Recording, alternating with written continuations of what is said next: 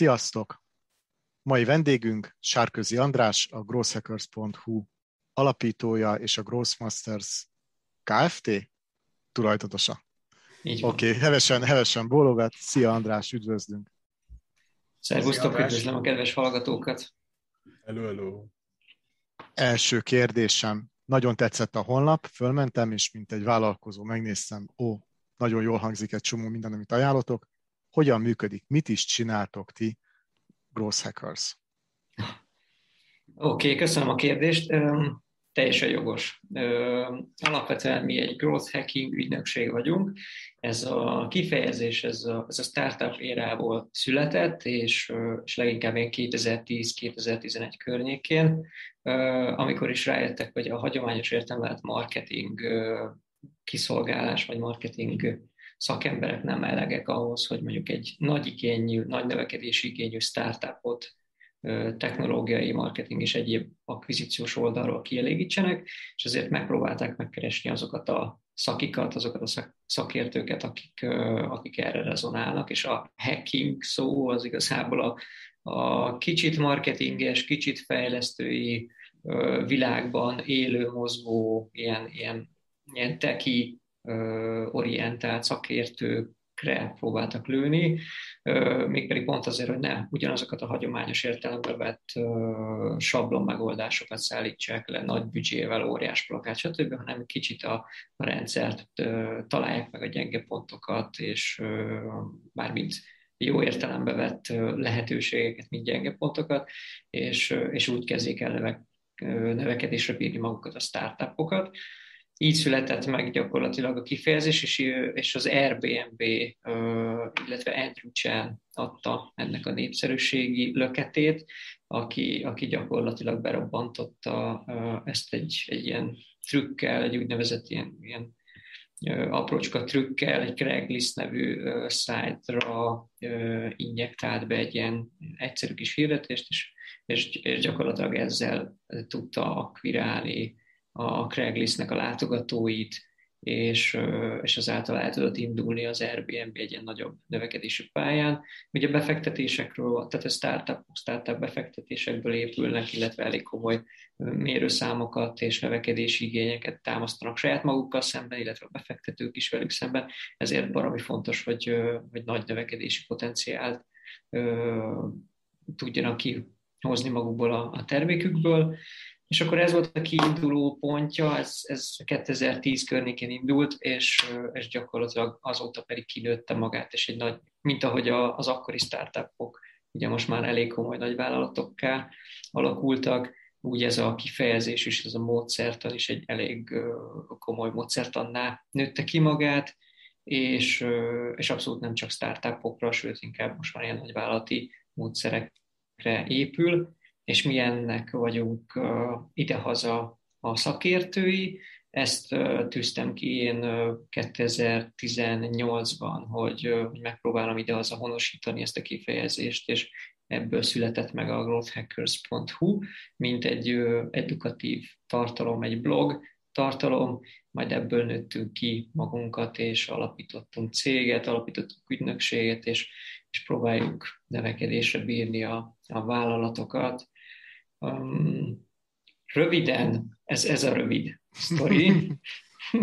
Hosszabban Röviden. még akkor belemegyünk. Oké, okay, köszönöm. Igen, nekem, Jó, bocsánat, itt nekem mindjárt elején lenne egy kérdésem. Ugye próbáljuk a műsorunkat úgy tervezni, hogy a vállalkozó, aki hallgat minket, az az, az a saját kérdéseire is választ adjon, választ kapjon. Tehát világos, hogy hogy működtök. Én a weblapon azt nem láttam, lehet, hogy nincs is rajta, hogy titeket milyen nagyságrendű cég, vagy magánvállalkozó, vagy startup kereshet meg akkor, hogyha sikeres együttműködés remélt tőletek. Tehát van-e valamilyen uh-huh. belőtt formája, akár a működési időnek, akár a működési nagyságrendnek, milyen értékű cég, tehát szabtatok-e valamilyen határokat?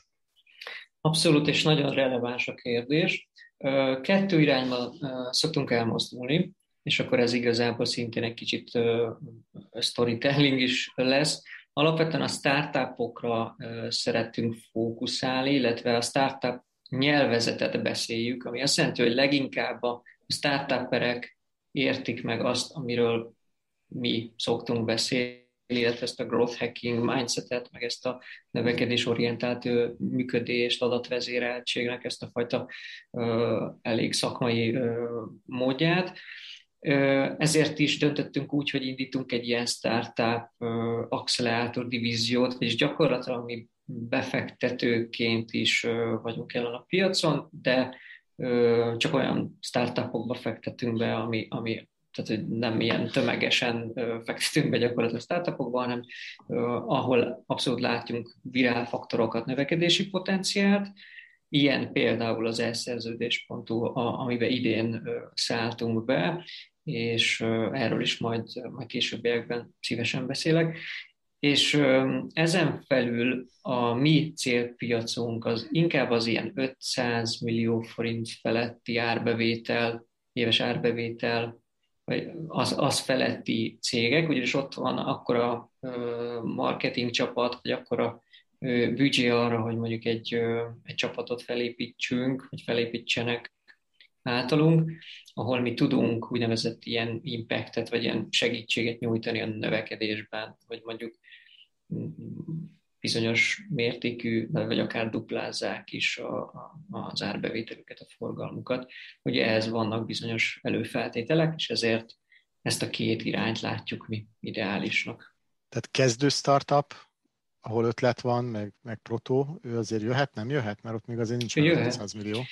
Nem, ott abszolút nincs meg. A, a startup divíziót azt azért is indítottuk, mert ott, ott viszont nagy, tehát ott mi befektetőként végezzük azt a, azt a fajta gyors növekedési taktikát, ami, ami, ami mondjuk egy startupnál nem biztos, hogy a kezdeti fázisban megvan, mint kompetencia, tehát lehet megvan az alapítónál mondjuk egy fejlesztői kompetencia, megvan egy, megvan egy mondjuk tudom, sales kompetencia, de például nincs meg a marketing kompetencia, vagy nincs meg az adatvezérelt kompetencia, akkor ezeket segítjük, úgymond támogatjuk mi, és akkor mi gyakorlatilag a befektetésünkkel nem tőkét teszünk bele, hanem szaktudással szállunk be magába a startupokba, addig, amíg el nem indul egy olyan fajta növekedés, mondjuk kapjanak egy nagyobb tőkeinjekciót, vagy, vagy egy pályára nem álljanak. És akkor gyakorlatilag ez az egyik modell, ez a startup modell, nagyon szeretünk mi is ilyen aktívan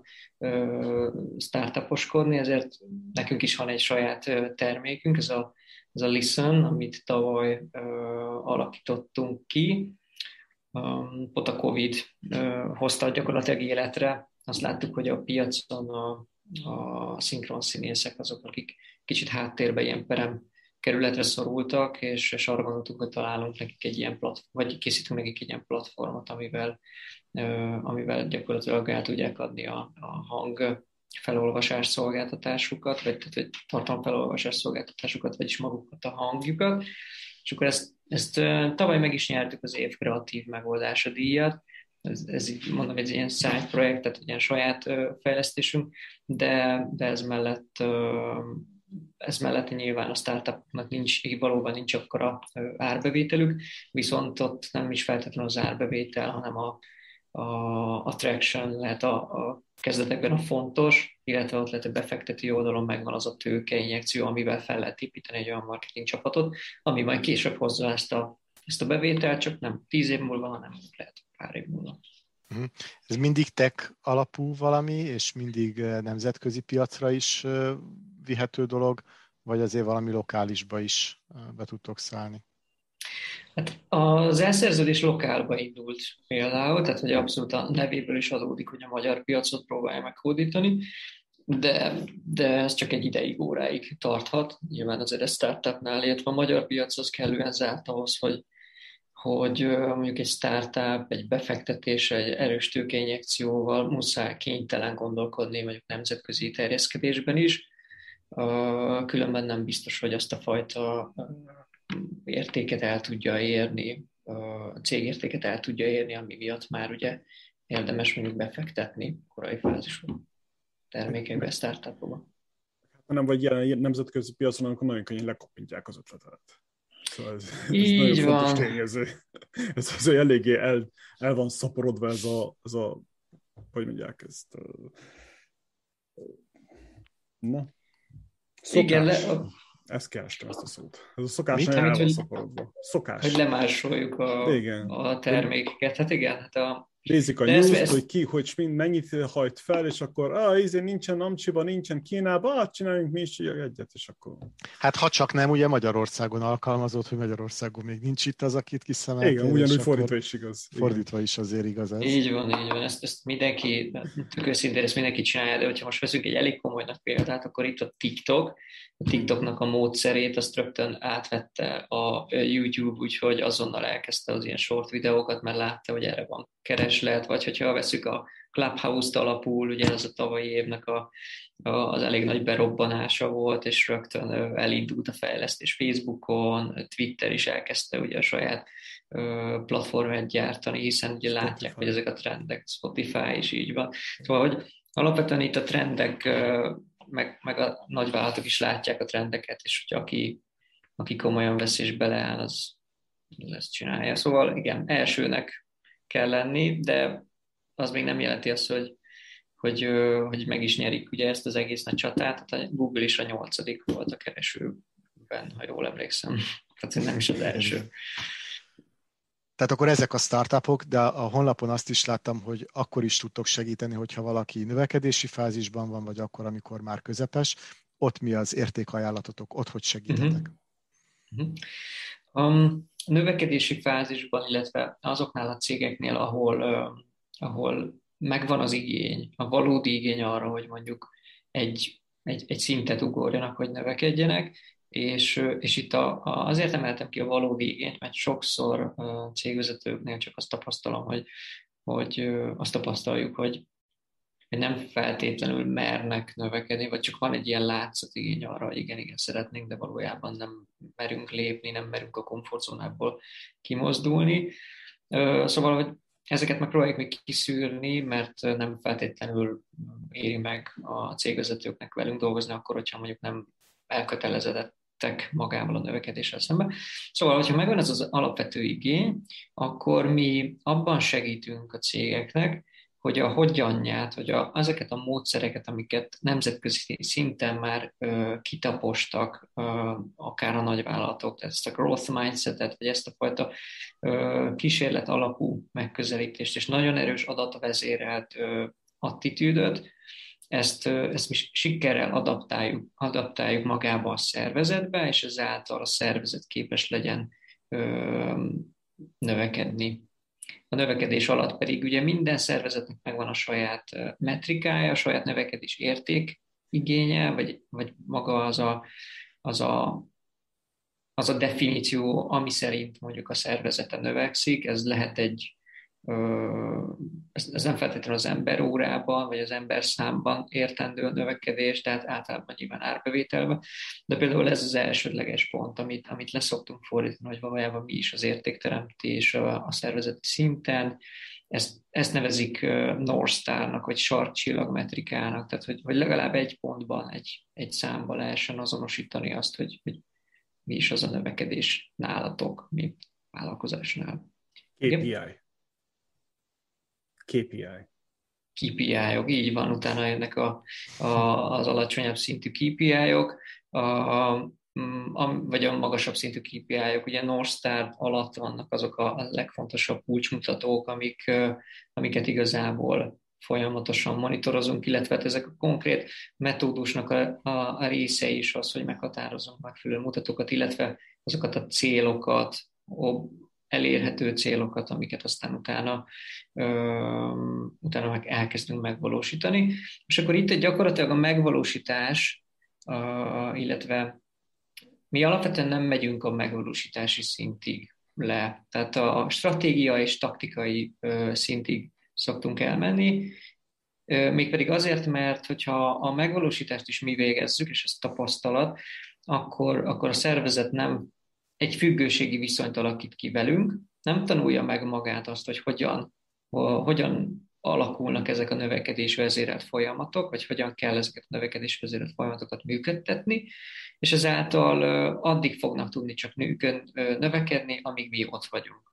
Nekünk pedig egy olyan célunk van, hogy, hogy ezt a mindsetet, ezt adaptáljuk a lehető legtöbb szervezetbe, hogy megtanítsuk őket arra, hogy, hogy hogyan tudnak üzemeltetni egy ilyen úgynevezett growth engine-t.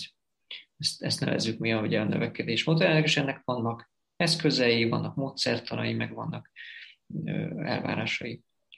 Ez nagyon tetszik, amit mondtál, mert itt azért nagyon fontos az, hogy, hogy bármilyen ugyebár vállalkozóval, tanácsadóval, bármilyen szerződő partnerrel dolgozol együtt, hogy, hogy segítsenek neked megtanulni halászni, és ne halat adjanak neked. Ugye amikor megtanulsz halászni, akkor életed végéig lesz, miből él, lesz mit egyél, de ne legyen meg tényleg ez a függőség, hogy el kell jöjjön, szó szerint kell, gyere, és minden évben mondjuk konzultálni, vagy besegíteni nekik egy pár napot, órát, hetet, hónapot, és akkor tényleg ez a függőséget okoz. Ez nagyon tetszik. Ez nagyon egyetértek. Pontosan. Mondjad, mondjad, András.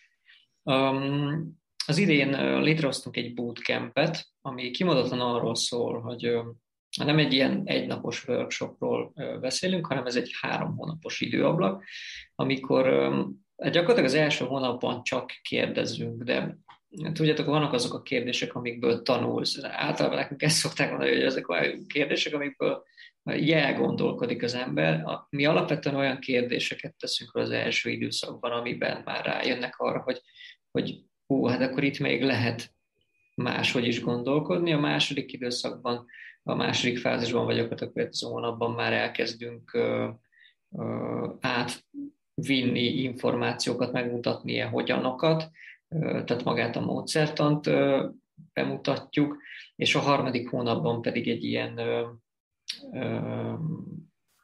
gyakorlatilag fogjuk a kezüket, és ezt a módszertant, amit az második hónapban megmutattunk, a harmadik hónapban gyakorlatilag kísérlet formájában vezetjük, és akkor ezáltal a szervezetek eljutnak arra a szintre, hogy, hogy nem az a fontos nekik, hogy, hogy a saját ötletüket adják el mondjuk a csapatnak, hanem az a fontos, hogy, hogy bebizonyítsák mondjuk adat alapon, hogy mi az, ami működik, és mi az, ami nem. És onnan lehet tudni, hogy a szervezetet átbillentettük, hogy a, korábban az volt a kérdés, hogy melyik legyen A vagy B, és akkor az győzött, vagy az, azt választották, amelyik éppen hangosabban volt eladva.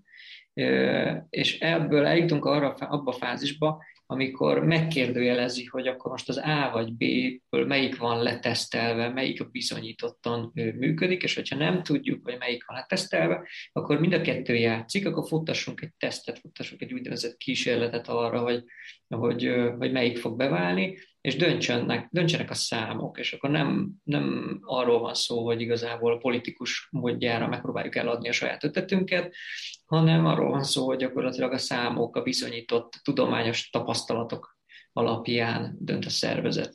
És, és ez, ez gyakorlatilag a bootcampnek a lényege.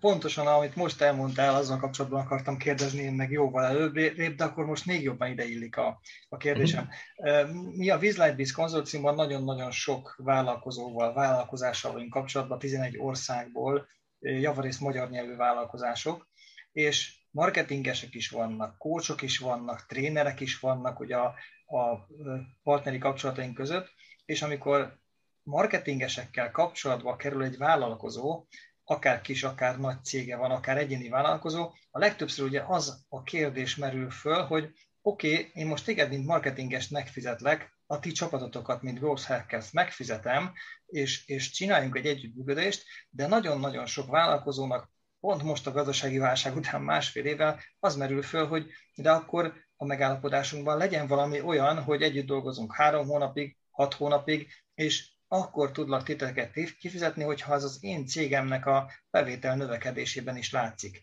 Tehát azt mondják a vállalkozók, hogy akkor tudunk együttműködni, hogyha ebben látható, kézzelfogható bevétel növekedést hoztok. Ti találkoztok ilyen vállalkozó igényel, amikor még megbeszélés alatt van a, a cég, hogy titeket megbízzon, vagy nem bízzon meg munkával? Um, alapvetően nem. Um, igazából nekünk van egy ilyen elég uh, sajátos működésünk, bármikor ki lehet uh, szállni a velünk való együttműködésből, olyannyira, hogy, hogy nincs semmilyen retorziója, tehát hogy akár a, a hónap felében is gyakorlatilag, amikor úgy érzik, hogy nem, nem tetszik nekik ez a fajta attitűd, akkor, akkor dönthetnek úgy, hogy oké, okay, rendben van. és hogyha mondjuk ez egy tört hónap, akkor, akkor azt mondjuk, hogy, hogy köszönjük, akkor tökre rendben van, visszafizetjük az aktuális hónapot. Mindig ilyen havi ciklusokban gondolkodunk, és, és alapvetően ez is egy fontos része, hogy megtanulják, hogy hogyan működik akár egy marketing csapat, vagy akár egy ilyen csapat, mint mondjuk mi. A mi esetünkben minden hónapban csinálunk egy tervet arra. Ez kell, én fejlesztési oldalról jövök, és, és ez olyan, mint egy sprint tervezés, csak egy ilyen havi sprint tervezéssel gyakorlatilag megtervezzük, hogy mi fog történni ebben a hónapban, és abban pontosan látják, hogy, hogy milyen események lesznek, milyen találkozók lesznek, mit fogunk csinálni, Ráadásul mi elég adatvezéreltem is működünk, és, és percre pontosan ilyen, ilyen AI rendszert használunk, amivel így monitorozunk minden egyes tevékenységet, és persze pontosan vissza lehet nézni, hogy mi mit fogunk csinálni, vagy mit csináltunk az elmúlt időszakban. És, és gyakorlatilag ez a, az egyik alapja magának az együttműködésnek. Viszont ami, ami nagyon fontos, hogy ahhoz, hogy valaki szeressen, tehát hogy ahhoz, hogy valaki növekedni szeres, megem növekedni akarjon, ahhoz, ahhoz gyakorlatilag be kell fektetni. Ez olyan, mint a marketing költés, hogy, hogy feltöltöd az egyenlegedet, és akkor utána tudsz elindítani egy hirdetést. Tehát, hogy ha, ha valaki nem investál abba, hogy tanuljon, hogy elsajátítson új dolgokat, új módszereket, új szemléletmódot, és ezáltal megtanuljon egy másfajta módszerrel nagyobb növekedést elérni, akkor, akkor ő biztos, hogy nem lesz jó ügyfelünk, illetve biztos, hogy nem fogunk tudni neki segíteni, bármennyire is szeretnénk, mert, mert nem fogja esetleg elvégezni azokat a fajta feladatokat, nem fog úgy olyan tempóban haladni, mint ahogy, ahogy azt mi javasoljuk, és ezáltal nem fogunk tudni neki segíteni. Ilyenkor mi rendszeresen, tehát hogyha ha ilyen van, hál' Istennek nagyon ritkán, mert alapvetően mi kiszűrjük kiszűrjük azokat, akik, akiknek nem tudunk segíteni ilyen módon, akkor, akkor, akkor gyakorlatilag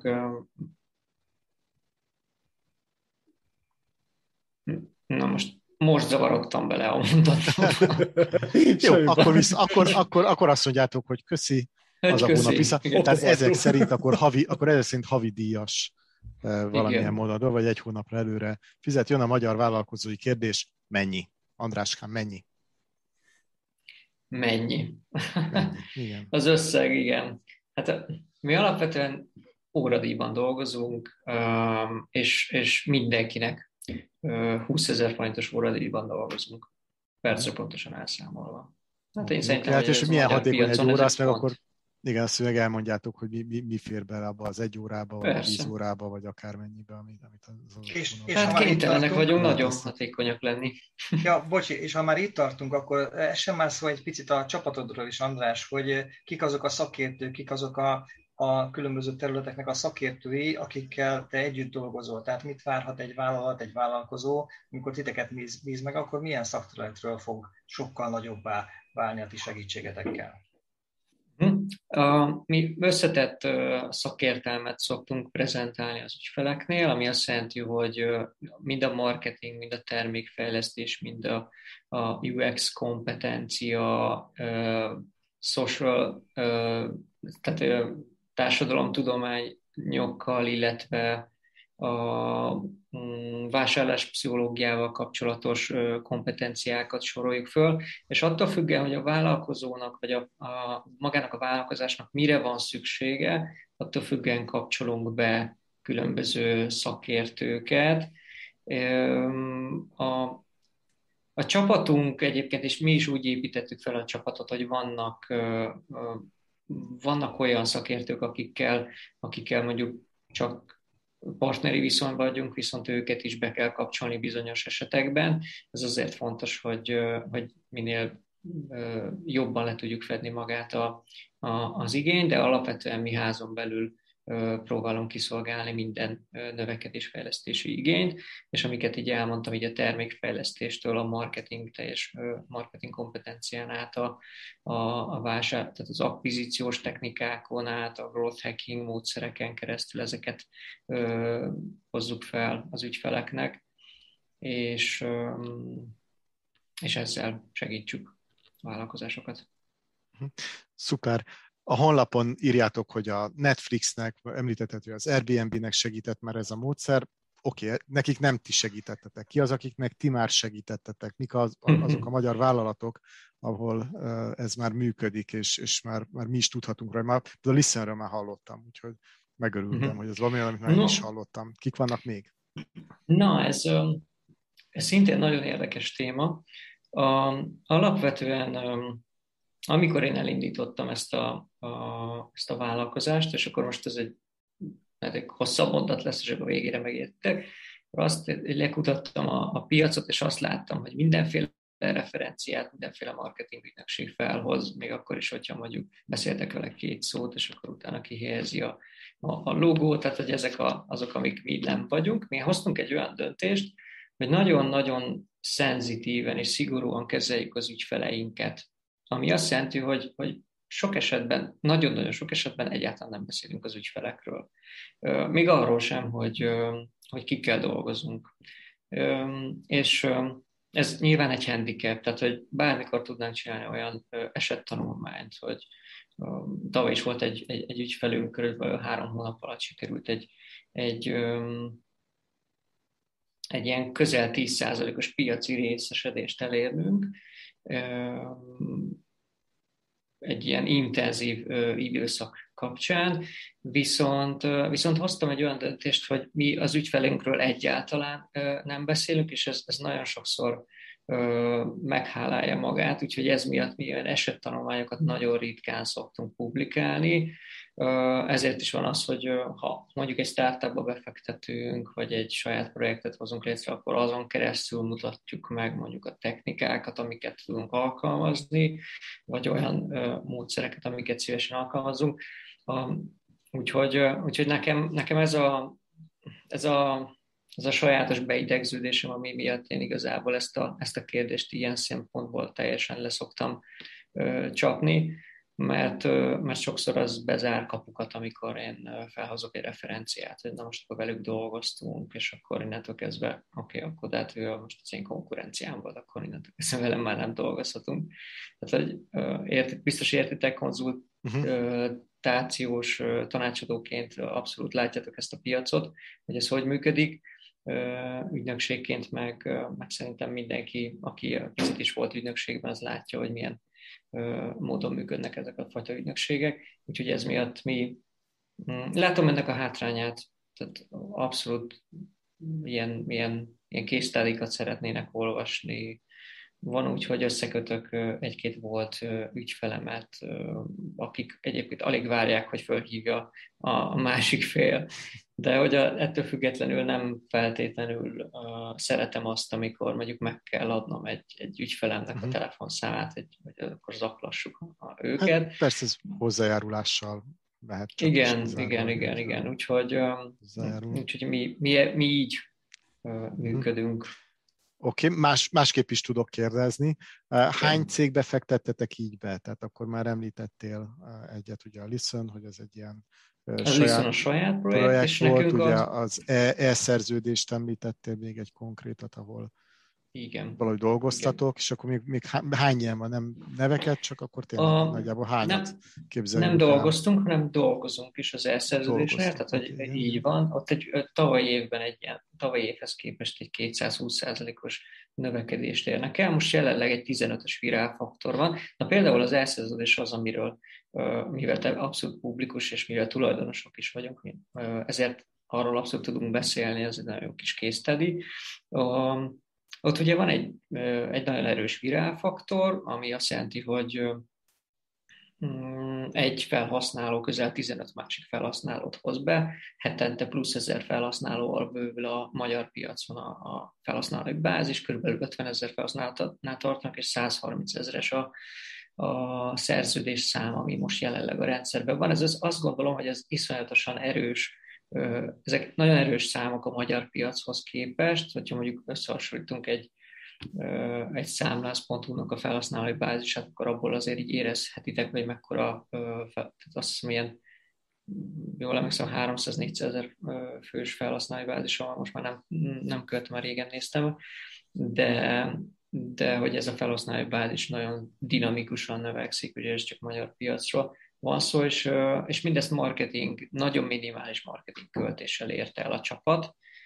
Fontos kiemelni, hogy, hogy a, a csapattal együtt dolgozunk, tehát ez, ez, ez mindig ez egy ilyen szinergia, úgynevezett ilyen együttműködés, amiben, amiben mi a csapattal közösen hozunk ilyen ö, eredményeket, és, ö, és ö, jelenleg ez az egy startupunk van most, amiben befektettünk. Én már keresem a következő lábunkat, de azért mi alapvetően elég erősen megválogatjuk a, a, a startupokat, megnézzük azokat a faktorokat, mint például a virálfaktor, amiket esetleg mondjuk egy befektető nem feltétlenül néz meg, vagy máshogy nézi meg, vagy sok esetben ugye az árbevételt, cashflow-t vizsgálják, és nem feltétlenül olyan, olyan módszereket néznek meg, amik, amik mondjuk a nemzetközi szinten érdekesek lehetnek. Van egy tech startup, jöztök hozzám befektetni? Milyen? Tech startup.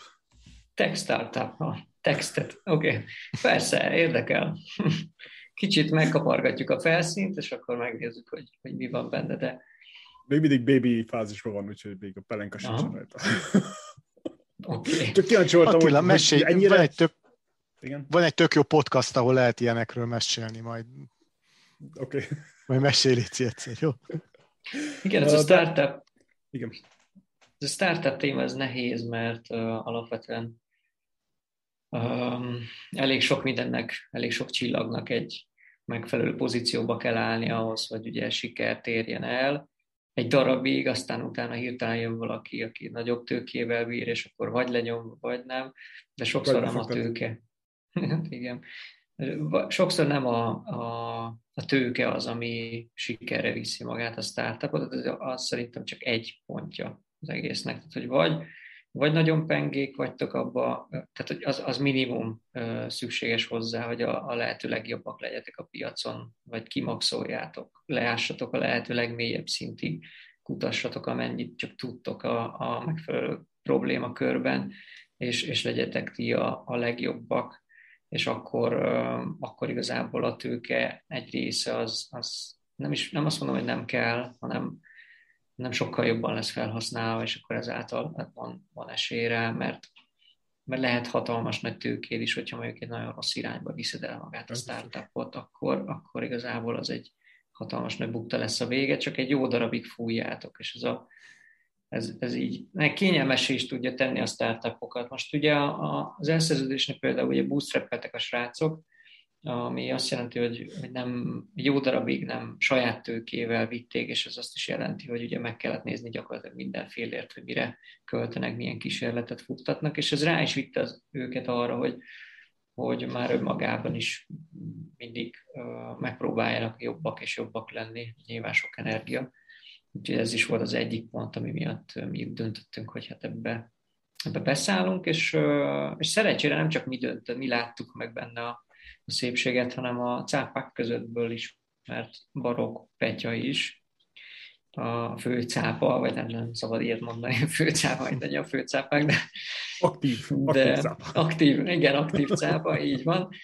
Ő is, ő is előszeretettel szállt be ugyancsak az elszerződésbe, és rengeteget tesz hozzá az ő szaktudása is. Úgyhogy nagyon sokat számít egyébként egy, egy-két jó mentor magában a startupban, mi ezt a, részt láttuk meg, hogy mi alapvetően nem befektetői mentorálást adunk, hanem, hanem ilyen growth technikáknak tehát egy ilyen növekedésorientált, növekedésfejlesztési módszerekkel segítjük a, a startupokat, limitált módon, hát nyilván azért az nem költség. A bootstrapra visszatérve, ott van egy kérdésem, hogy, hogy azt hogy kell elképzelni, hogy ez ilyen virtuálisan csináljátok, vagy elmentek egy táborba három hónap, mindenki ott van, és egymást bosztatjátok a kérdésekkel? Ja, a bootcampre gondolsz. Igen. Uh, nem, abszolút bootcamp, virtuális. Mm, a virtuális, illetve mi itt Budapesten a, egy, egy tök jó irodázban székelünk, úgyhogy, úgyhogy itt is szoktunk tartani, most is például onnan jövök egy ilyen intenzív napról, és, és gyakorlatilag, de javarészt egyébként virtuálisan, tehát bárhonnan le tudjuk zongorázni, jó sok beszélgetett, heti négy-öt alkalom legalább, amikor így kivesézzük a csapat minden egyes tagját, megnézzük, hogy ki, hol vannak a leggyengébb pontok, elkezdjük azokat felépíteni finoman, a megfelelő tempóban. Ugye ez nagyon fontos, hogy nem berúgjuk a, az ajtót, és akkor ilyen gyakorlatilag megmondjuk a tutit, hanem, hanem el kell ültetni gondolatokat a, az ügyfeleknek a, a, a, a fejében, hogy, hogy belülről jön a belső motiváció, és akkor, nekem, akkor lesz maradható. Nekem lenne egy kérdésem még mielőtt hogy a, a szokásos kérdéseinket feltesszük, is felteszi Attila, hogy honnan jöttél, hol kezdted.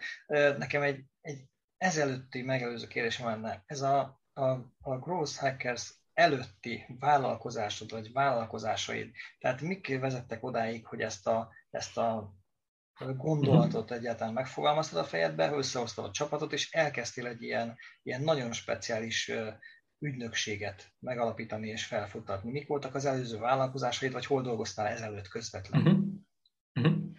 Uh-huh. Um, abszolút releváns a kérdés. Um, én Pécsről származom, és nem is olyan rég költöztünk fel a családommal Budapestre. Uh, 2017-ben volt egész pontosan.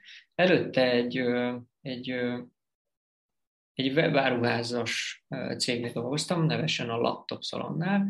A, ez egy, erről annyit kell tudni, hogy, hogy gyakorlatilag 2005-ben mentem oda, és akkor ez egy ilyen kétfős vállalkozás volt. Én, én, én gyakorlatilag azt a szerepet kaptam ott, hogy a fejlesztést, a növekedést serkentsem.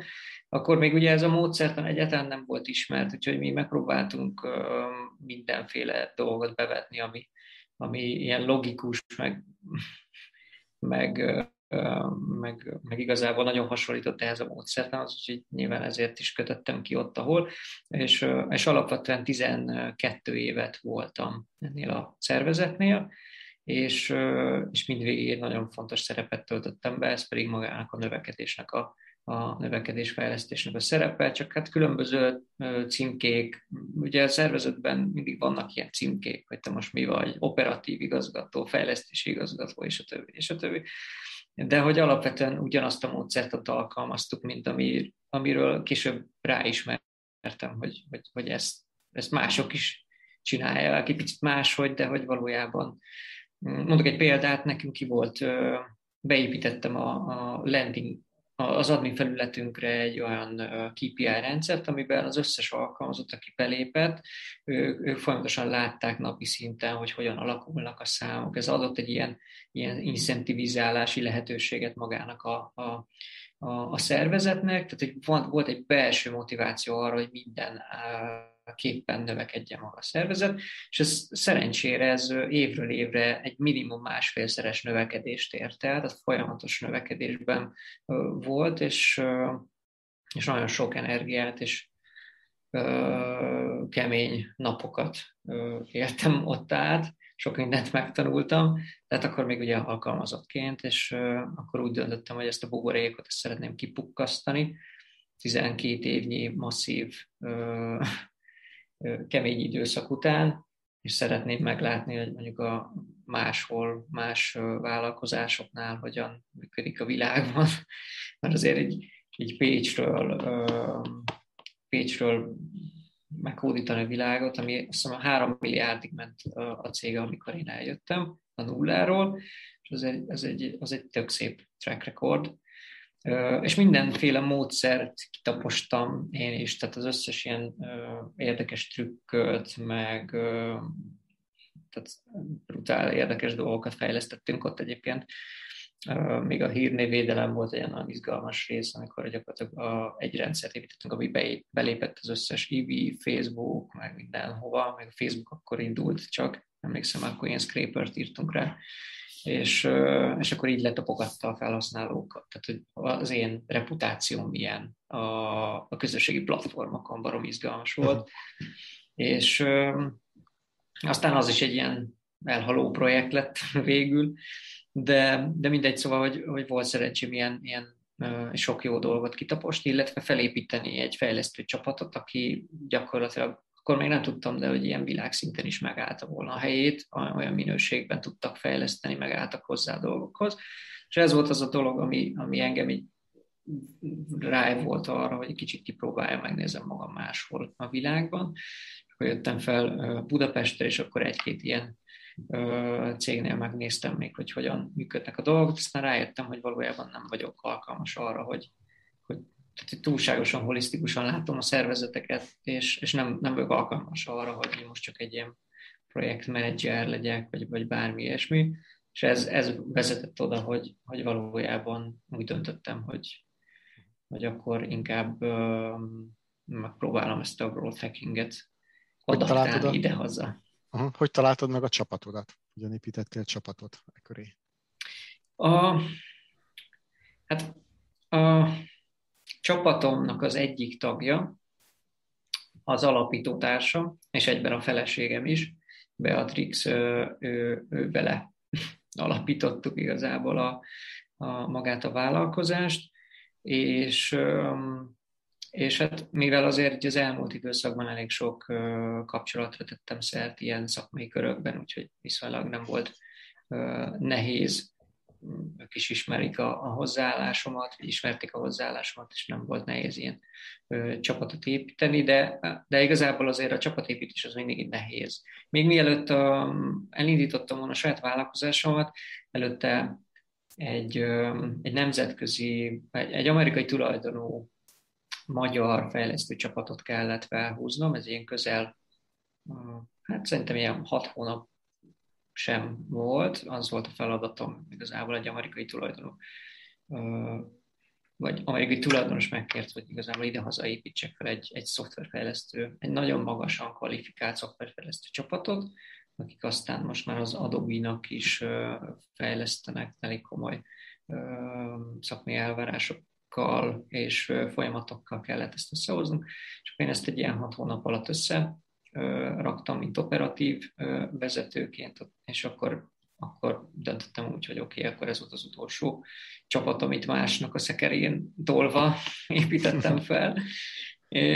De hogy ilyen nagyon intenzíven, és akkor most már ezt, ezt inkább úgy sem, hogy formálisan a vállalkozásba öntöm mindezt a tudást, és akkor így, így így alakult, így jöttem rá, hogy valójában nekem ez az ez itt vége, az kvázi alkalmazott út vége, és, és akkor irány a vállalkozás. Akkor ti a feleségetekkel ti vagytok az ideális power couple. Ha jól Lehet. Igen. Jó, haladtok. Igen, igen, a, igen. A szolgáltatásotokkal kapcsolatban érdekelne engem kicsit, hogy belemenjünk a részletekbe, hogy, hogy tudjam elhelyezni, hogy uh-huh. például egy cégnek a struktúrájába hogyan fértek bele, hogy akkor az alsó határ, hogyha azt nézzük, akkor kell az a minimális, hogy kell egy bizonyos bevételed legyen a cégnek, és hát e-, evidens, hogy akkor kell valami adottja is legyen, szóval kell valami customer legyen, hogy jöjjenek is, tesztelgessék és próbálgassák, igaz? Szóval ez a minimális, mert onnantól tudtok segíteni nekik grótolni, uh-huh. fejlődni. Így van, hát hogyha bevétel van, akkor adat van. Adatból mindig van. Hát nagyon sok adaton ülnek a szervezetek.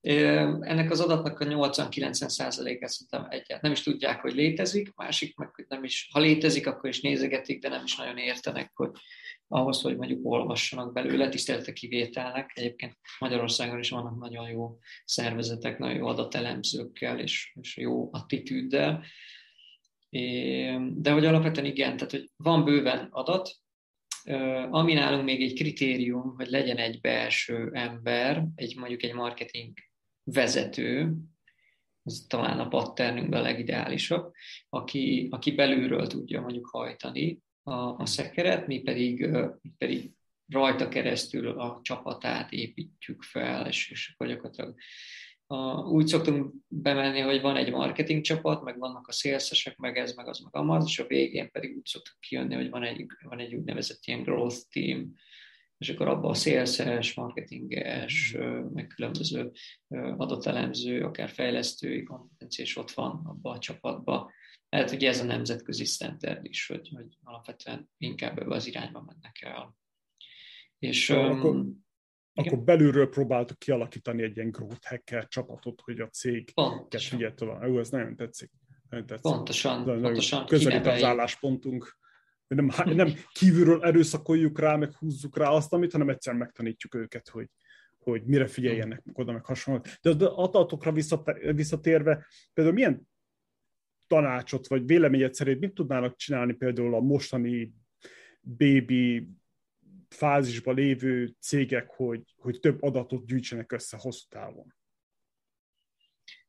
A baby fázisban, mit jelent az, hogy baby fázisban lévő Például cégek, és hogy milyen tegnap, adat? Tegnap Tehát, alapítottam egy céget, elkezdtem valamit csinálni, mi az, amit most tudok csinálni, ahhoz, hogy, hogy hosszú mhm. távon az nekem gyűjtse az adatot. Mint, például gondolok most egy ilyen Google Analytics-re, ugyebár, hogyha van, van honlapod, akkor az borzasztóan egyszerű, csak belinkeled, be, uh, embedeled azt a kódot, de esetleg van-e valami más, például egy offline uh, cégnél, akik például kereskednek, nem tudom, egy pékség, hogy, hogy hogy lehetne ezt már az elejétől kezdve beépíteni, hogy mondjuk egy-két-három év múlva, amikor titeket felhívnak, akkor már, már hogy gyűjjön az adat.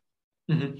Hát igen, ez egy fontos kritérium nálunk, és talán erről nem meséltem, hogy azért valamilyen szintű digitális lenyomata kell, hogy, hogy legyen magának a vállalkozásnak. Tehát a, az, a, az a tipikus growth hacker vonal, ez, ez alapvetően egy nagyon erős teki irányból is érkezik. Tehát, hogy most, hogyha azt mondjuk, hogy pékség, teljesen offline az egész, és mondjuk annyi az online jelenlét, hogy fent vannak a Google Business-en, akkor, akkor alapvetően az, az egy, tehát azt lehet, hogy nem mi vagyunk az ideális ö, csapat, de hogyha mondjuk ez egy, igen, nem mondom, hogy nem tudnánk ott is segíteni, de hogy nem biztos, hogy megérni. Tehát, hogy itt is ugye sok szempontból meg szoktuk vizsgálni a vállalkozásokat, hogy mekkora mondjuk egy lifetime value magának a, magának a vállalkozásnak, vagy magának az ügyfélnek, tehát hogy mennyit hagyott mondjuk egy ügyfél. Tehát ez nagyon alacsony, akkor az azt jelenti, hogy, hogy abból egy iszonyatos volument kell készíteni. Hogyha mondjuk ez egy, egy, egy pékség, ami csak lokál bizniszre épül, akkor az sosem tud akkorára felskálázódni, hogy, hogy olyan eszközöket és módszereket alkalmazzanak, amiket mi tudunk nyújtani. Ezáltal sosem lesz megtérülő a mi általunk nyújtott szolgáltatás, vagyis nem éri meg befektetni. Jó, de mondjuk egy kiflit... De hogyha ez arról szól, egy kifli az egy jó példa, mert ugye a kifli az egyébként elég szépen tör föl, de hogy nem a kifli, mint a, a pékség, hanem a szolgáltatás, mint a igen, most. Igen. Nem, most a kifli, igen. kifli, kifli, kenyér. Igen. Gondoltam. Meg hát nem, ők hát is ugye egy nemzetközi hálózat tagja, tehát ez meglepődtem, hogy nyilván nálunk kifli, mit tudom én, Hollandiában, meg mit tudom én, Longebrot, nem tudom, hogy mondják hollandul, lehet, hogy Hollandiában nincsenek is, de, de Németországban tudtam ott vannak, úgyhogy igen. Tényleg, igen, Zsolt, a... hogy, van, hogy van svédül a kifli? Tanuljunk már valamit. Nem, is, nem eszünk. Azért, mert Svédországban semmilyen kifli-szerű péksütemény nincs. Tehát Abszolút, ez az egyik, ami hiányzik nekem. Ezért nem, ezért nem mentek oda ezek se az ételkiszállítás. Hát a, név, a név az egy dolog, de, de jó, magát jó, a kifli, okay. kifli módszerű péksüteményt nem ismerik. Aha. Meg hát általában édes péksüteményeik vannak túlnyomó többségben, nagyon édes szájók a svédek. Aha. Oké, oké, tehát adat kell, adat kell. Mi az, amit még meg tud csinálni egy vállalkozó? Tehát milyen, milyen tanácsot adnál egy vállalkozónak, hogy, hogy jobb legyen, fejlődjön?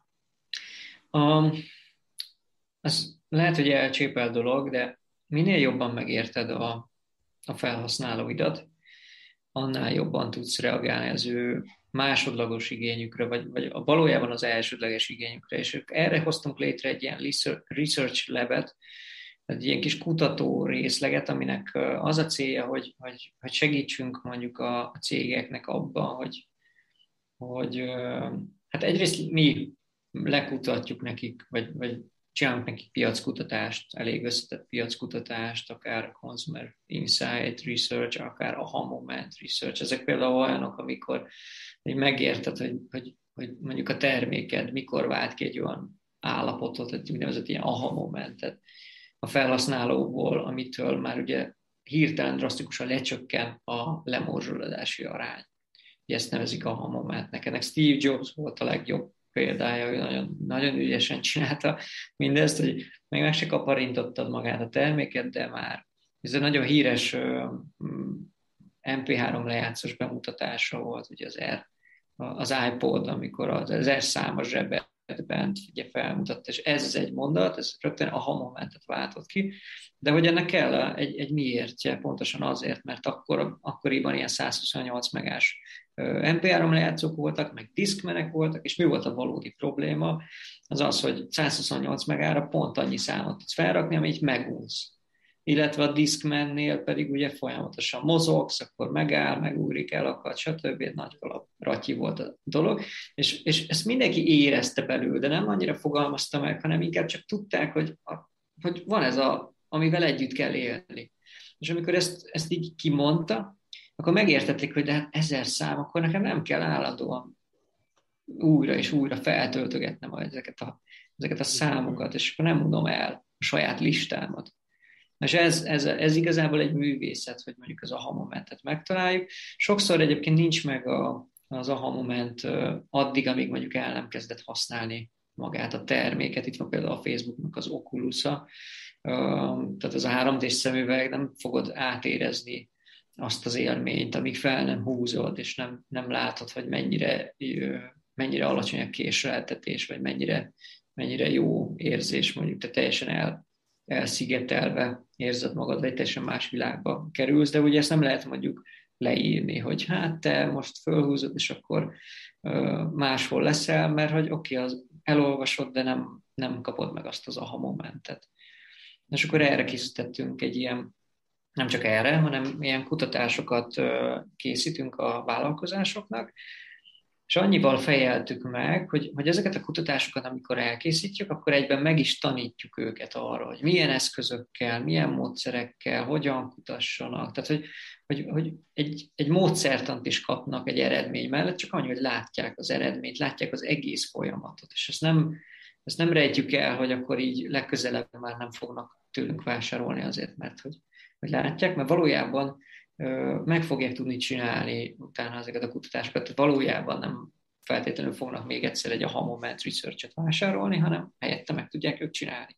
Viszont nekünk ez a missziónk, hogy minél több ilyen tudást és tapasztalatot adjunk át nekik. És van másik nyúlak alapban, amit elő tudtok húzni, amit oh, nem. tudtok nekik tanítani. Így van. Ez hát ez csak ugye az eleje, hogy van, van adatod, megérted azt, hogy mit is gondol a felhasználó, mit, mit, mit érez, hogyan vélekedik a, egyáltalán mi a problémája, mondjuk a, a napi szintű problémája, és ahhoz abban hogyan fér bele ez a termék, vagy mik a rutinja. És ugye itt, itt nagyon fontos, hogy, hogy, hogy hogyan lehet kialakítani szokásokat egy felhasználónál. Tehát valójában a, akkor tudsz elérni eredményt, hogyha valamilyen szintű szokást ki tudsz alakítani egy felhasználónál. Legyen az mondjuk sportolási szokás. Tehát alapvetően nem is azt kéne kitűzni a évelején az embereknek célul, hogy, hogy lefogyok, tudom 20 kilót, hanem azt cél kéne kitűzni, hogy mostantól kialakítok egy szokást. Egy olyan szokást, amiben hetente hatszor mozgok, vagy négyszer mozgok. És ez a szokás,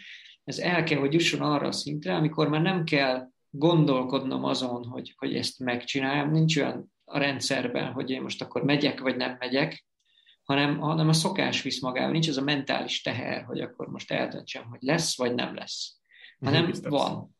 Igen. Baby steps. Tök jó. És még, egy, és még egy dolog, hogy nem jövőre, hanem mától. Vagy hol. Hanem mától. Nem kell, nem, kell, nem kell megválni a, a, a jövő évet, a jövő hetet, a jövő negyed évet. Mától, ha ma már nem megy, akkor holnaptól. Igen. Igen. Igen, én azért kérdeztem ezt, a, ezt az adat rögzítést, hogy hogyan, igen, adatok rögzítést, mert azért ez ilyen személyes tapasztalatból adom mondjuk meg az embereknek, meg itt a vállalkozóknak, hogy ö, én az elején nagyon sokszor úgy voltam, hogy á, fejből csináltam a dolgokat, meg leírtam papírra, meg ficujkára, meg nem tudom, micsoda, eltelt két-három év, és milyen jó lenne, hogyha lenne valahol digitálisan leírva, és akkor össze tudnám hasonlítani ezeket a számokat.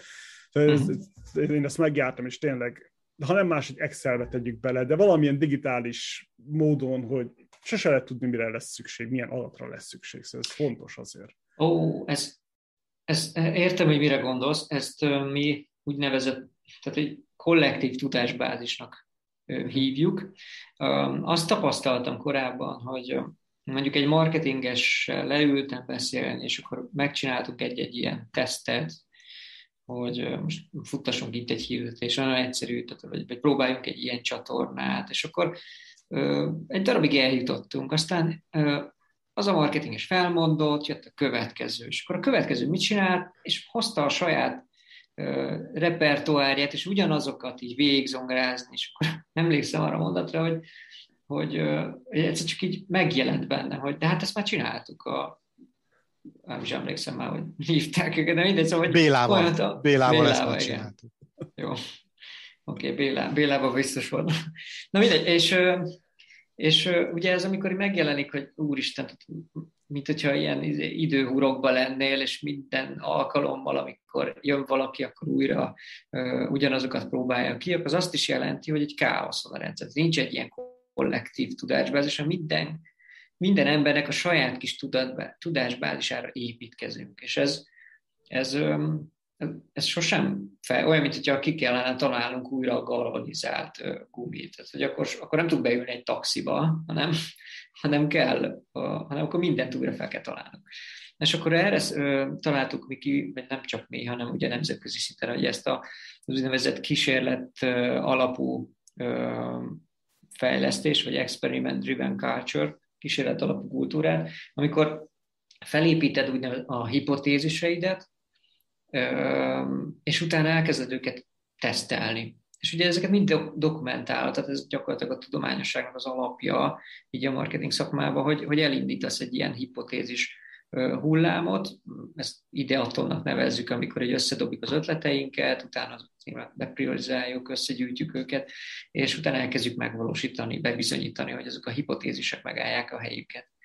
És, és ezzel együtt gyűlik egy olyan tudásbázis, amire lehet építkezni. Ott azt futtattuk már, oké, okay, jön a következő marketingre, és megnézi, hogy milyen hipotézisek voltak bebizonyítva, amik működtek, mik nem működtek, és arra tud már építkezni. De nem nulláról kell, nem a saját tudását hozzá, hanem hozza a saját tudását, plusz a kollektív tudásbázissal lehet egyfajta gyorsabb növekedést elérni.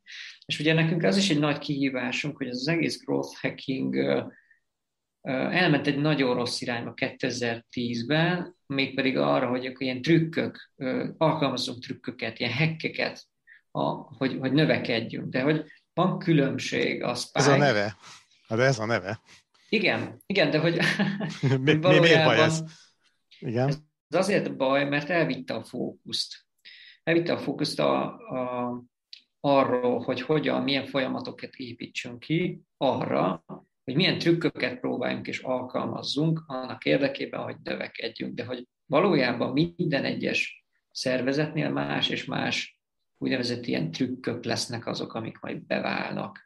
És amikor így a szakma, szakma beliekkel így beszélgetünk, akkor így emlékszem, amikor a Sean Ellishez, aki kitalált azt a kifejezést, így ö, oda mentem, vagy először találkoztam, előtte így a kollégájához mentem oda, és mondtam, hogy majd, majd hozzon össze minket.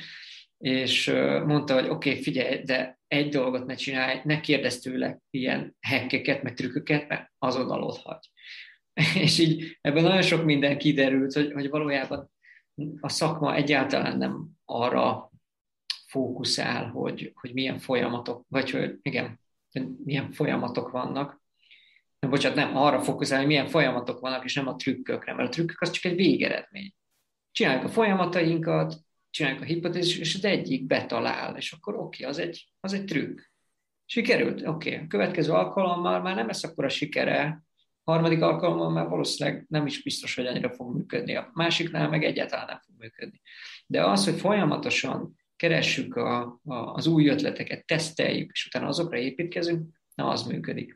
És eznek nincs is nagyobb bizonyíték, mint amikor a Twitter a heti kísérleteinek számát gyakorlatilag heti fél vagy két hetente futtatott egy kísérletet, megemelte heti tíz ilyen kísérletre, és onnantól kezdve kezdett el maga a, a Twitter növekedni, mert egész egyszerűen a nagyszámok törvény alapján meg, megtalálták azokat a bevett módszereket, amik, amik gyakorlatilag a növekedést tudják hozni.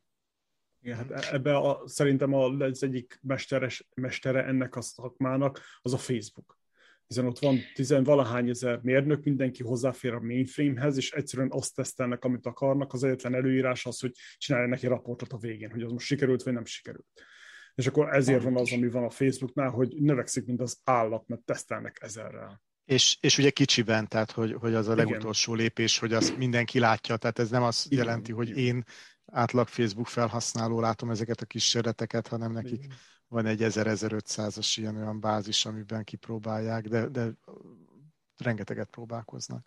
Igen. Hát a, nem csak a Facebooknál, itt vagy például kedvencem a Netflix. Biztos, hogy mindenki ö, tapasztalta már, hogy a, a coverök például nem ugyanazok a coverök. Tehát, hogy egy filmnek van három, négy, öt mutációja. Ugye az semmi másról nem szól, mint arról, hogy melyik cover az, ami a tehát borítókép, bocsánat, uh-huh. melyik az a borítókép, ami, ami, ami jól működik, ami által mondjuk elindítod a filmet, és tovább maradsz benne magában a Netflixben. Mert ugye mi a Netflixnek az értéke?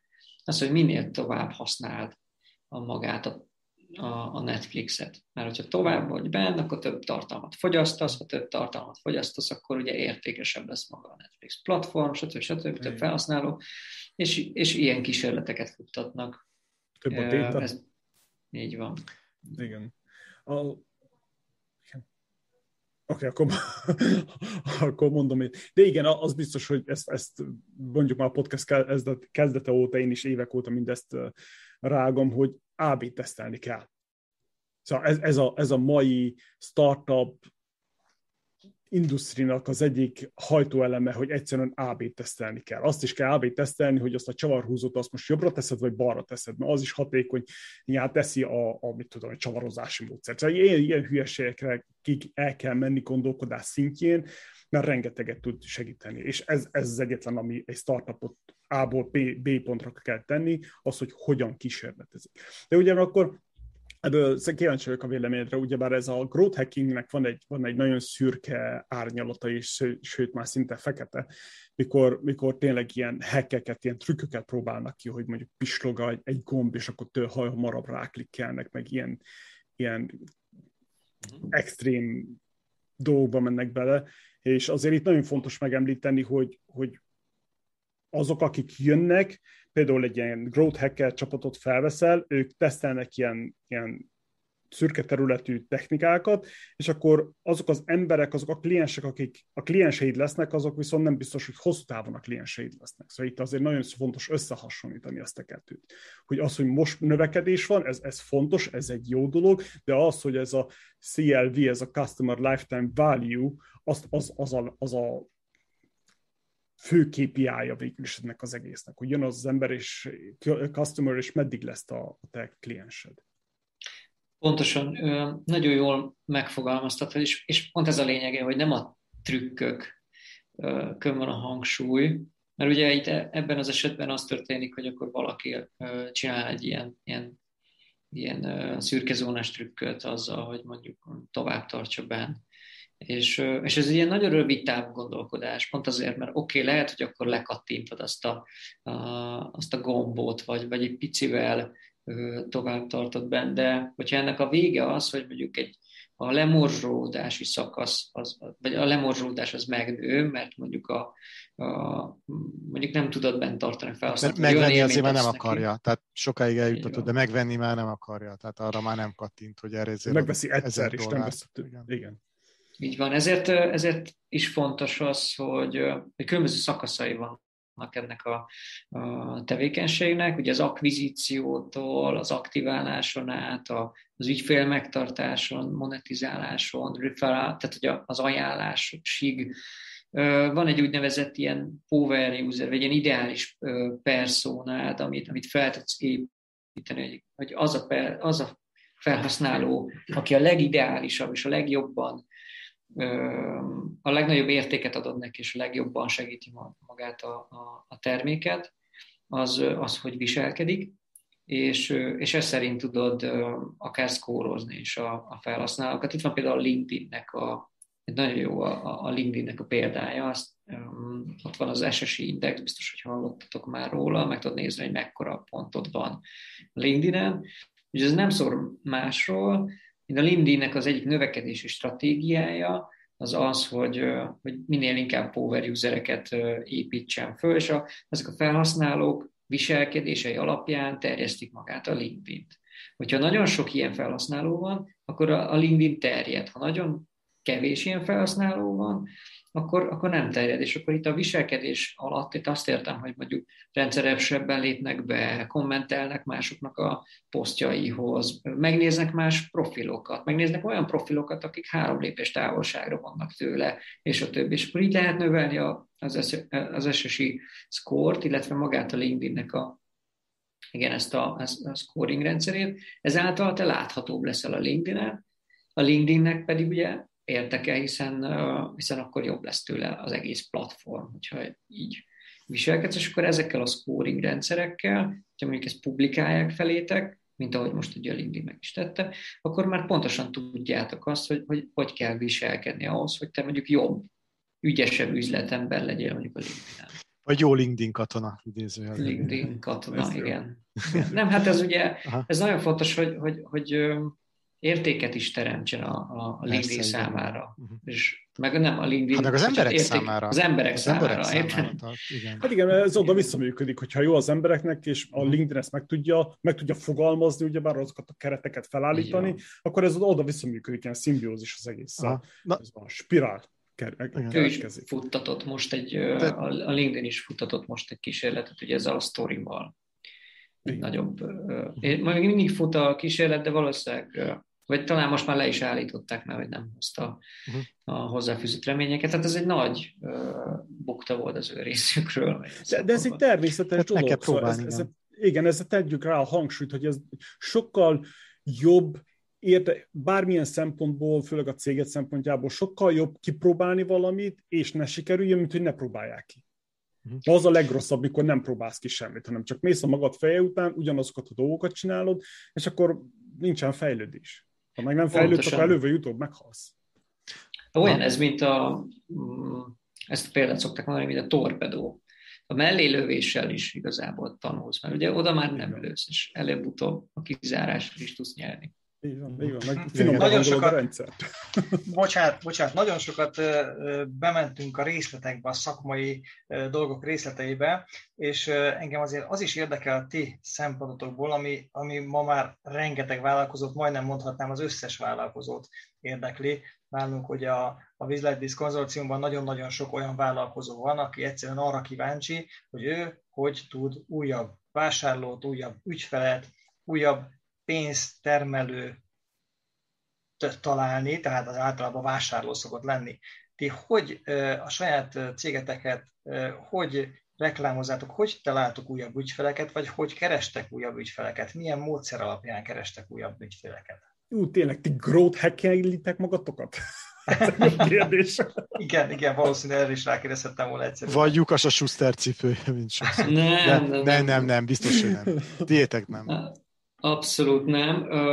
Mármint, hogy nem lyukas a Schuster cipője, tehát okay, ez a válasz, remélem, hogy így is marad, és nem úgy vágjátok ki, hogy a, nekünk, nekünk van egy nagyon kedvenc uh, taktikánk, ezt uh, úgy nevezik, hogy account-based marketingnek, ennek is van egy, uh, ez gyakorlatilag egy taktika, és uh, ennek az a lényege, hogy nem, tehát megfordítod a töltsért, és, uh, és megvan akkor kiszemelt ügyfeleid, az ideális ügyféllistát, és akkor azokra az ügyfél listákra, ezeket hívják accountoknak, azokra épített föl magát a, a, a kommunikációt, és akár egy ilyen personalizált ajánlást, akár egy landing oldalt, akár egy tehát minden olyan technikát bevetünk, ami, amivel igazából azt az egy accountot úgy meg tudjuk célozni, hogy, hogy ő egyértelműen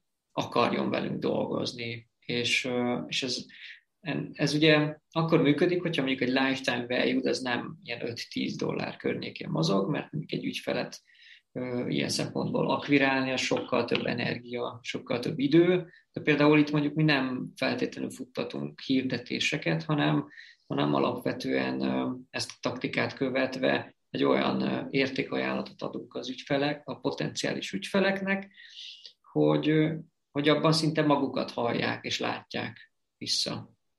Az ő problémáikat, az ő, az ő igényüket, az ő megfelelő azt a megoldást, amit, amit ők igazából szeretnének, ezért is hívják account-based marketing, nagyon sok personalizáció benne. Tehát ha kell, akkor például lekutatjuk a, a kiszemelt ügyfelünknek a kommunikációját, viselkedését, mit, mit mond, hogyan mondja, hogyan viszonyul dolgokhoz, és akkor azokat beépítjük magába ebbe a kommunikációba, és nagyon tűpontosan ö, megyünk rá, mondta kiszemelt ügyfeleinkre. Ez most egy új uh-huh módszer, és ez, ez úgy néz ki, hogy ez, ez sokkal jobban beválik, mint az, hogy most feladunk hirdetést a, a Facebookon.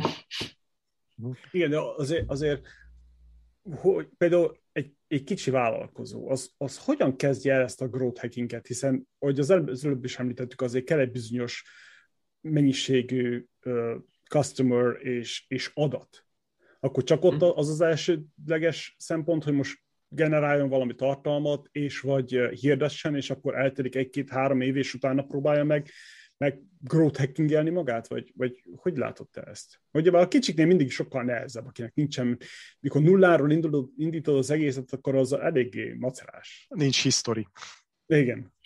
Hát szerintem, bocsánat, bocsánat, szerintem vegyenek részt egy-egy mastermind csoportba, ott van 4, 5, 8, 10 vállalkozó rajtuk kívül, akik összeadják a az ötleteiket, összeadják a bevált ötleteiket, és el fog jutni a vállalkozó arra a szintre, amikor András az azt mondja, hogy András 120 milliós árbevételnél azért jóval többet szeretnék keresni, és akkor András azt mondja, hogy oké, okay, itt a csapatom, csináljátok. Oké, okay, okay, ez jól hangzik, de mi van, hogyha, hogyha, mi van, hogyha az a mastermind csoport, az, az, ott nincsen az ideális vevője?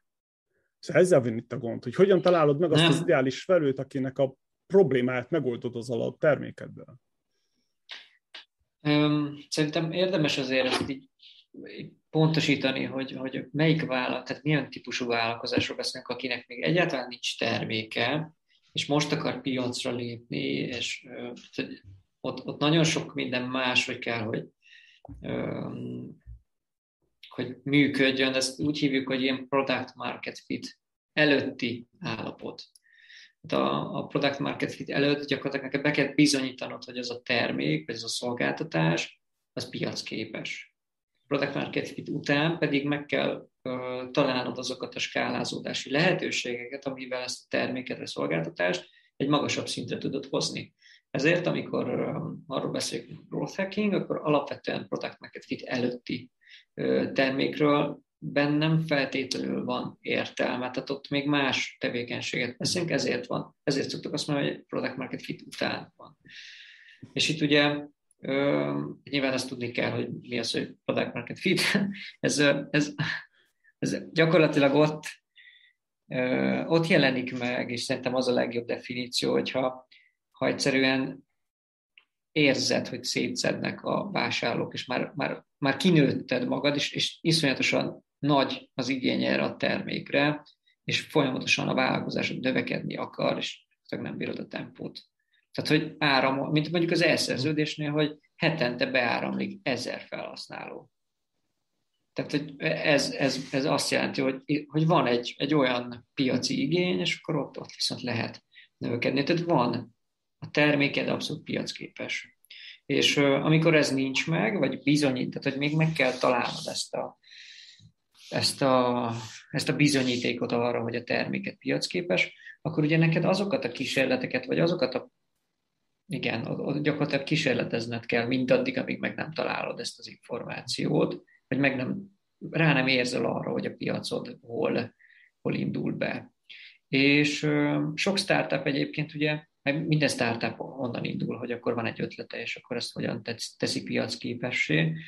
És és, és nekik az a feladatuk, hogy a lehető legrövidebb úton megtalálják ezt, a, ezt az állapotot, amikor, amikor igazából folyamatosan áramolnak be a, a, a felhasználók, és van igény a termékre, és ha mondjuk véletlenül lekapcsolja a szolgáltatását, akkor, akkor jönnek a telefonok, hogy hé, hát nekünk ez, ez a szolgáltatás, ez kell. Ég, égnek a vonalak, és itt lehet igazán érezni azt, hogy itt valami történik és ha lekapcsolod a szolgáltatásod, és senki nem hív, akkor biztos, hogy valami baj van, akkor nem piacképes a terméken. Uh-huh.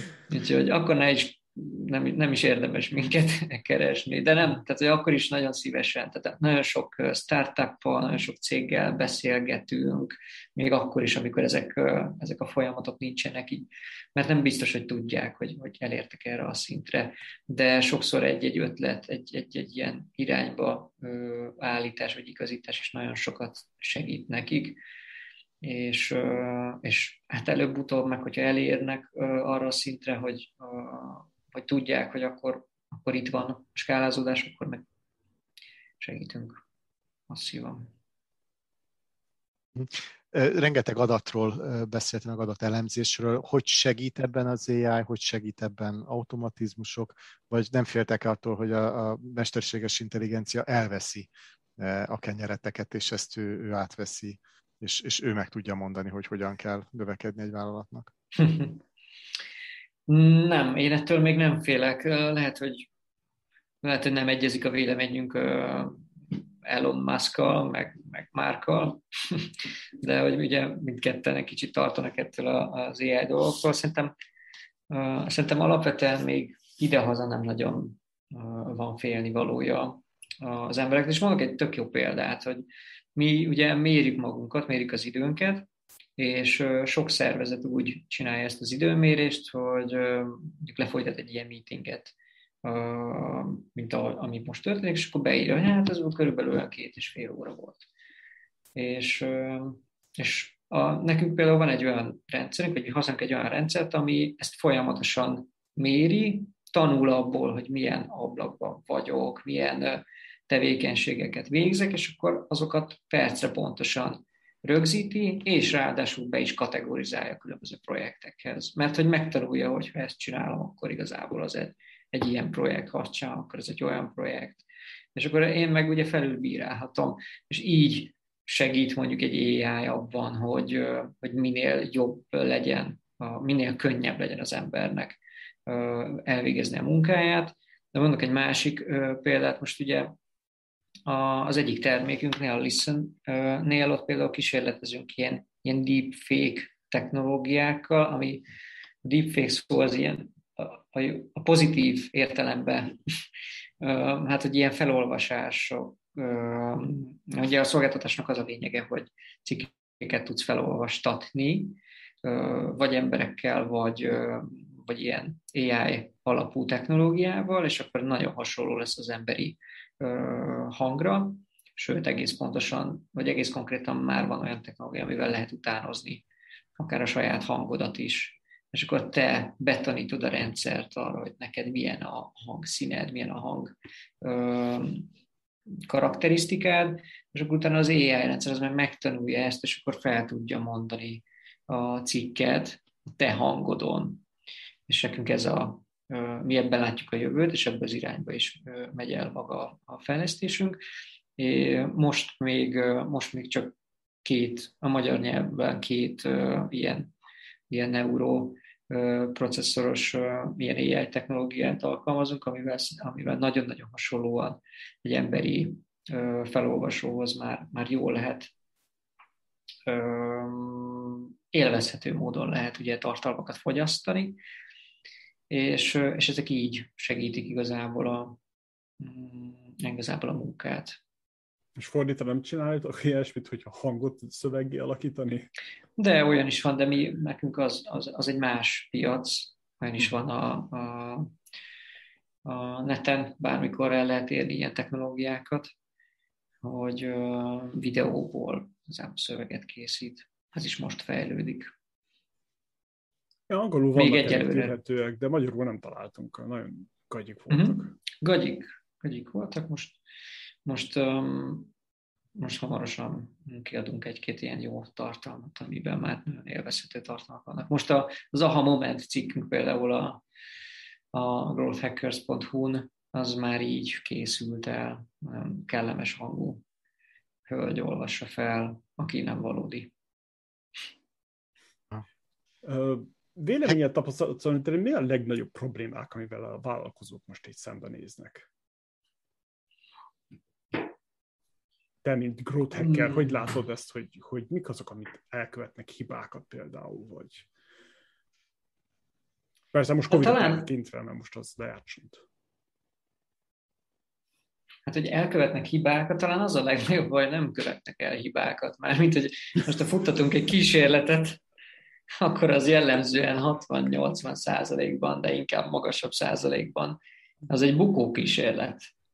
És ugye ezek a, ezek, ezeket hibáknak is nevezhetnénk, hogyha úgy állunk hozzá, de valójában ezek mind-mind tapasztalatok.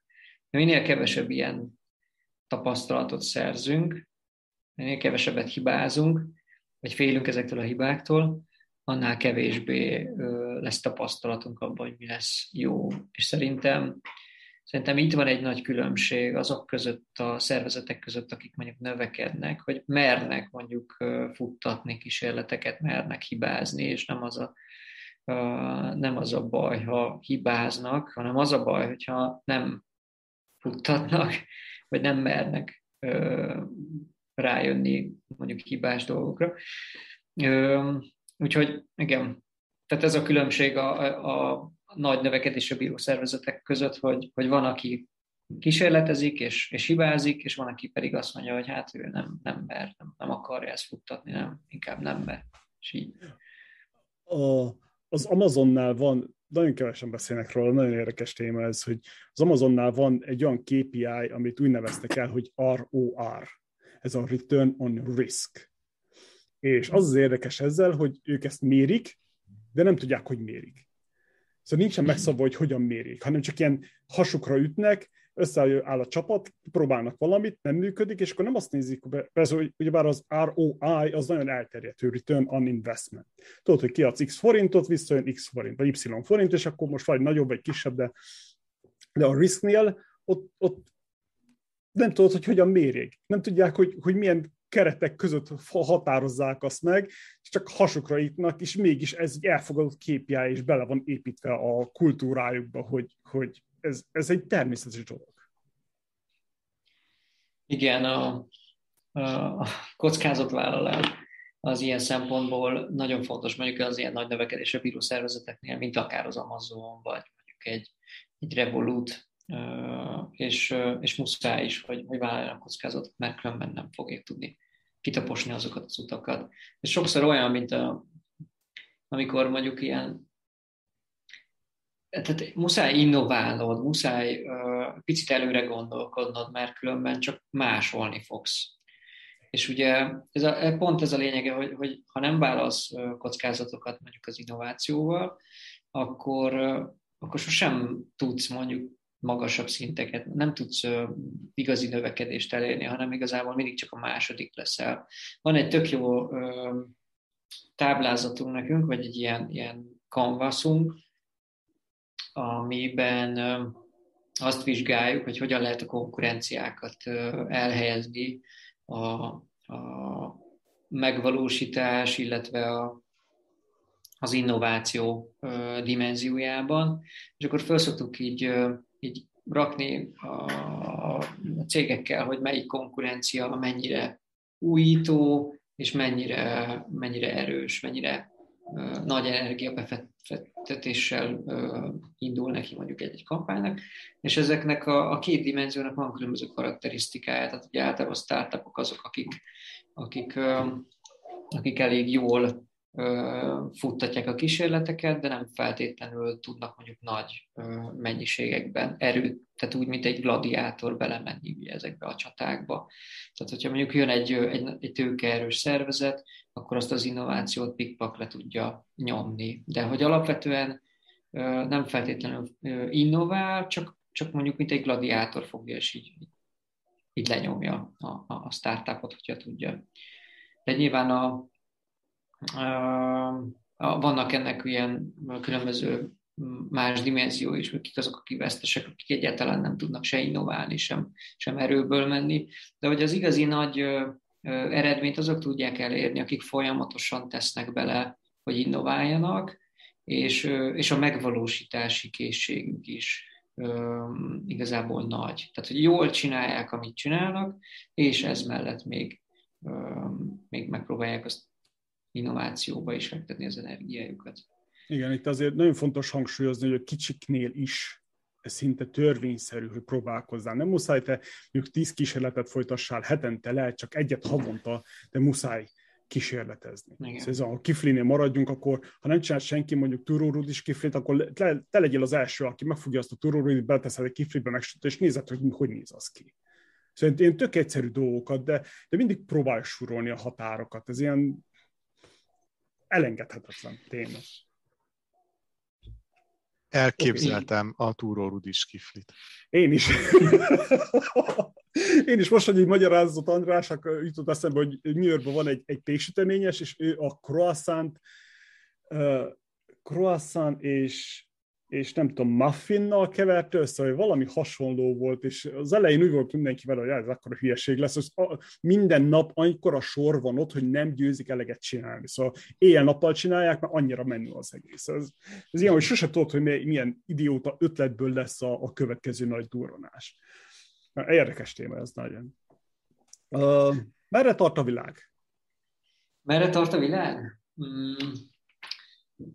Hát szerintem alapvetően a, most egy, egy ilyen evolúciós szintlépést látok én itt a magában a marketing szakmában is, amikor is rájönnek, vagy rájöttek már, hogy, hogy alapvetően mennyire is fontos az adatvezérelt működés.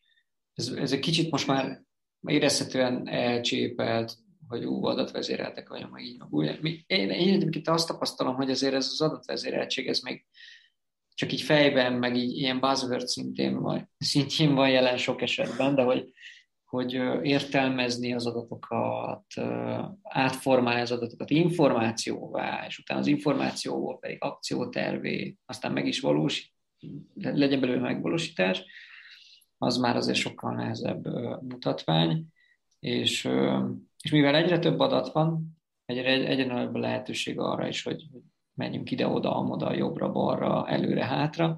Ezért szerintem az adatvezéreltség ez, ez sokszor még így megáll azon a szinten, hogy jó, elmondjuk, hogy adatvezéreltek vagyunk, de valójában csak kapargatjuk ezt a dolgot.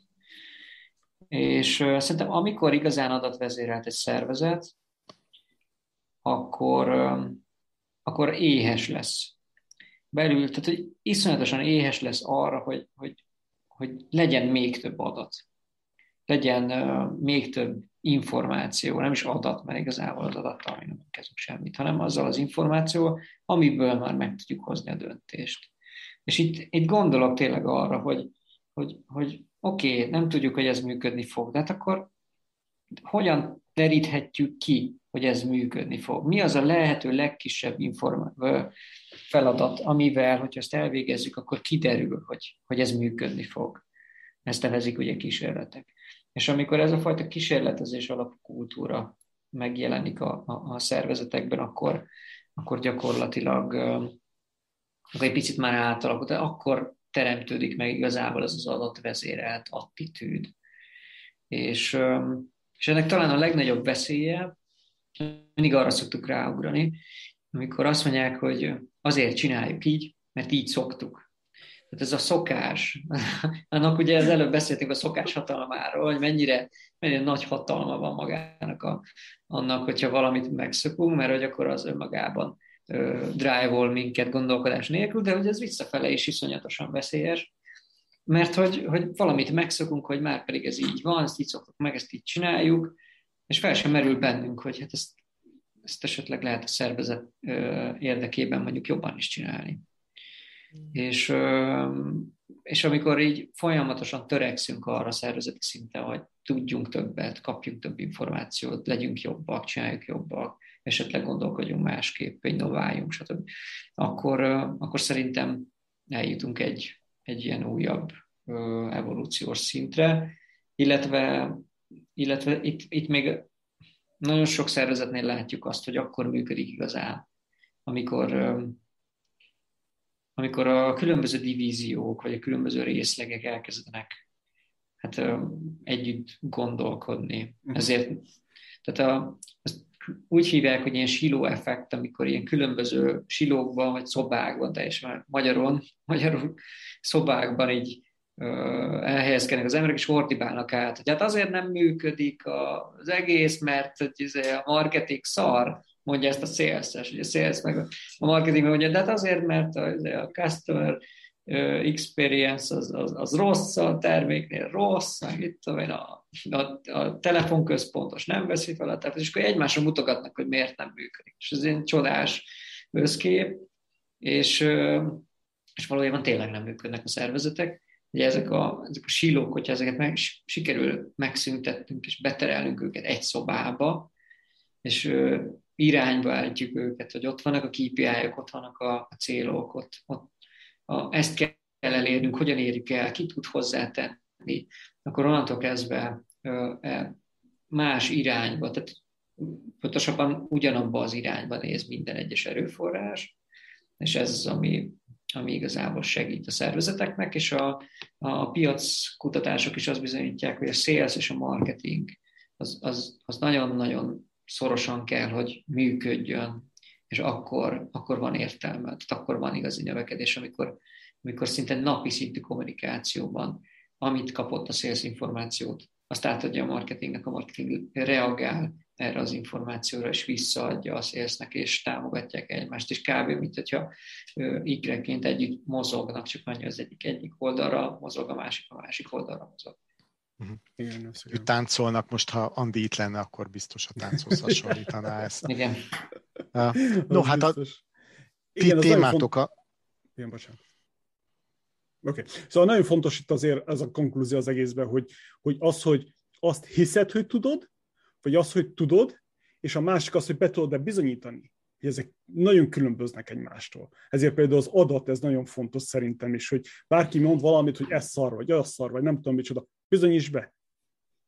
És akkor, mikor nagyon sokan nem is tudják bebizonyítani, mert nincsen egy ilyen átfogó rendszer, amelyikbe ez bele van téve, ugyebár ideális esetben ez egy dashboard, hogy belépsz oda, és látod egyszerűen, hogy hogy működik a, a szervezet, és adat nélkül nem tudod bebizonyítani. Ezért fontos ez az adat. Másik, ami, ami volt egy gyors kérdésem, hogy mi a véleményed ezzel, hogy mikor azt mondod, hogy data-driven egy, egy szervezet, hogy az nincsen ilyen negatív gondolat az emberekbe erről. Na, mert nagyon azt figyelem, hogy ez, ez még a data-driven szervezetek sem mondják azt, hogy we are data-driven hanem mindig ilyen culture, meg customer driven, meg valami hasonló dolgokkal próbálják elhárítani, de közben a háttérben ugyanúgy, ugyanúgy mérnek mindent. Hát ezeket mi címkéknek nevezzük igazából. Hmm. Nem biztos, hogy, hogy, hogy egyébként egészséges, hogyha mindent így címkézgetünk, mint amikor mikor az emberek címkézik a másikat, te most ilyen vagy, te most olyan Igen. vagy.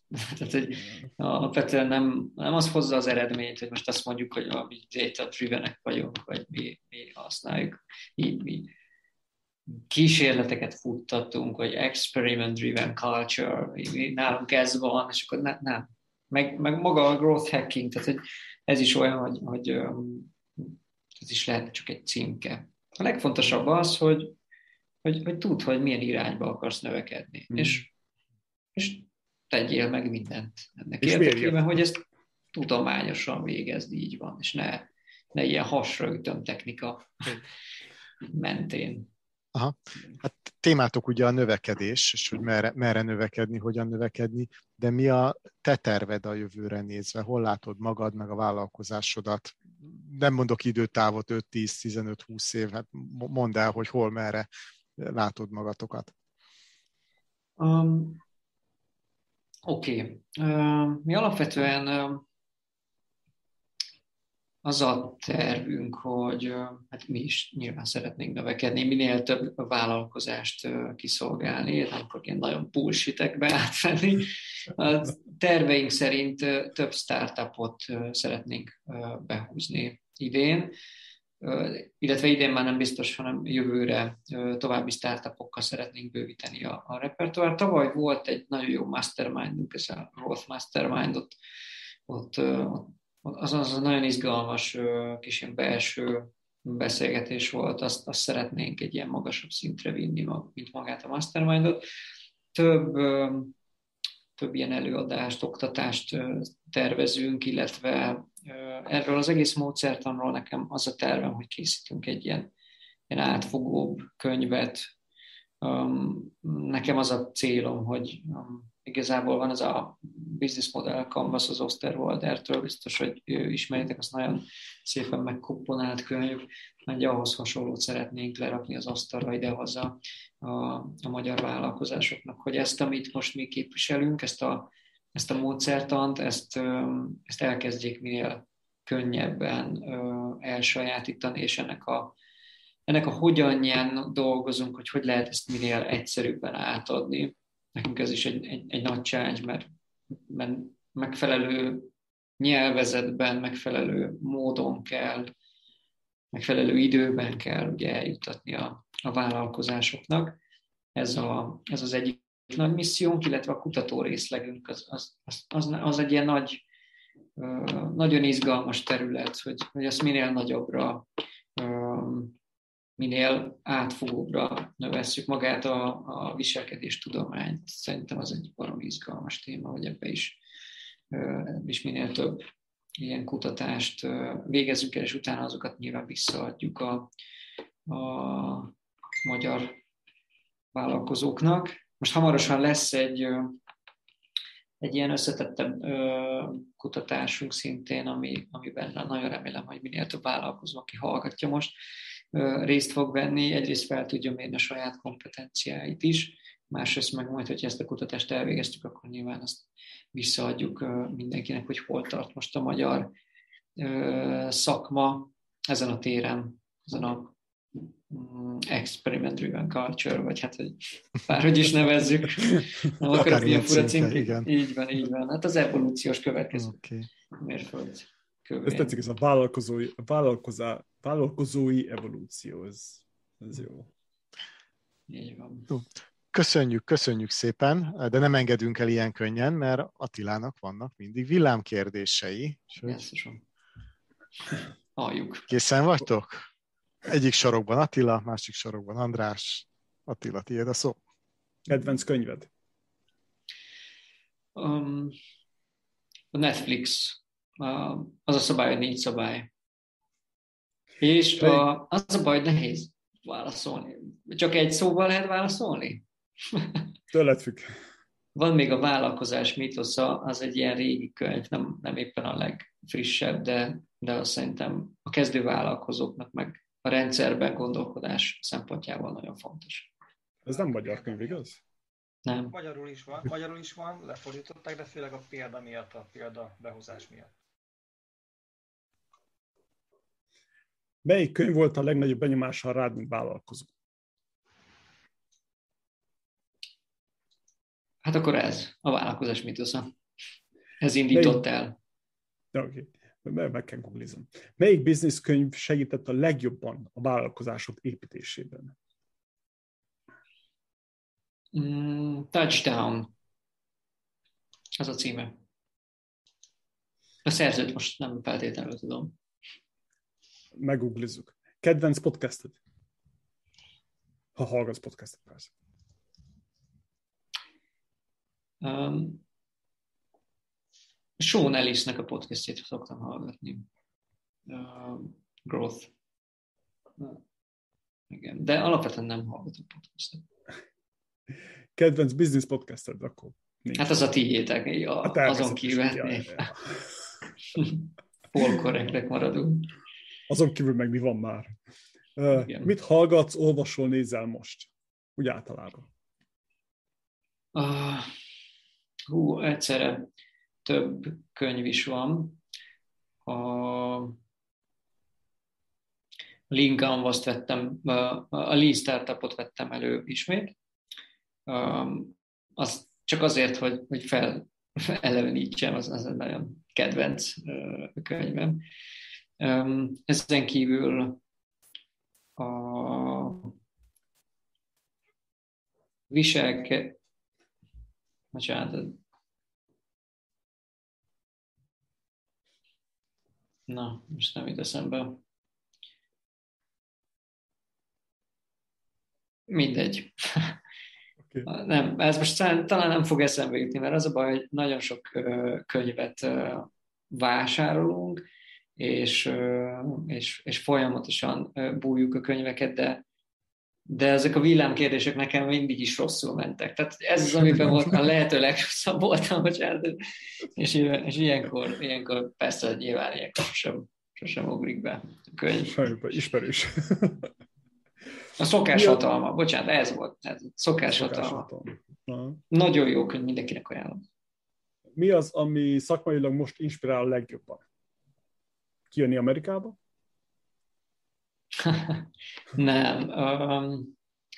Az inspirál a legjobban most szakmailag, hogy, hogy minél, minél több vállalkozásnak tudjunk segíteni a, magában a növekedésben, és hogy, és hogy eljutassuk ezt a fajta mindsetet.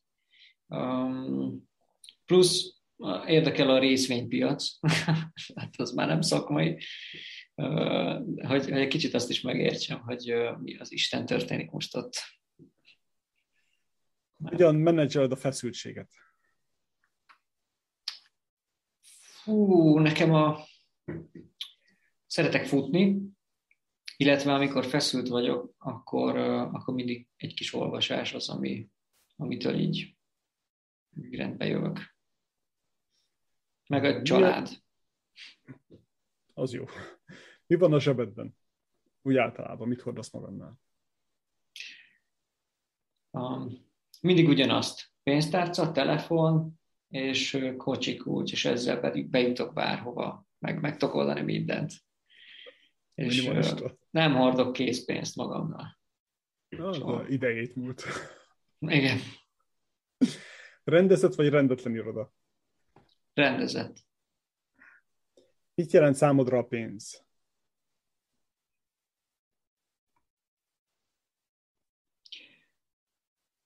Hát engem nem annyira érdekel a pénz igazából. Tehát nyilván nem is hordok magammal készpénzt, ez egy kicsit jelzi is azt, hogy alapvetően nem, nem ez ö, számít. Nyilván kell ahhoz, hogy, hogy működjön a gazdaság, működjön csomó minden, tehát üzemanyag az egész rendszernek, és az, enélkül nagyon-nagyon meg lennénk lőve nyilvánvalóan. De, de hogy alapvetően nem, nem a pénz miatt csinálom a dolgokat, hanem, hanem egy kicsit misszió. Mindig, mindig valami challenge, amikor azt mondták, hogy ezt már nem lehet, ez már idejét múlt, akkor kapcsolt be nálam az a trigger, de hogy is nem. Azért is. Mert csak azért is, igen. igen is, is. Van az a fog meg a söröm. Mit jelent számodra a siker? Siker? Um, Szerintem a siker azt jelenti, és számomra azt jelenti, hogy a döntésnek a szabadsága megvan. Tehát akkor vagy sikeres, hogyha dönthetsz az idődről, dönthetsz arról, hogy mit csinálsz, kivel csinálod, és, és hogy és hogy hogyan végzed ezt. És mondjuk a, a siker ilyen szempontból, hogy alapvetően akkor vagy sikeres, hogyha mások azt mondják, hogy sikeres, hogy a Barabási tól ezt már megtanultuk, és egyébként az is nagyon jó könyv. De hogy, hogy nyilván az elsődleges siker az, az mindig belülről jön. Ha te úgy ítéled meg, vagy úgy érzed, hogy, hogy, hogy a döntés a döntéseid szabadok, akkor szerintem már sikeres vagy.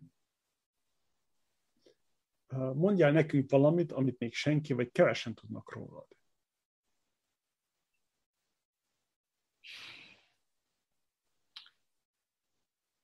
Hát igazából az előbb elárultam, hogy nem hordok magammal készpénzt.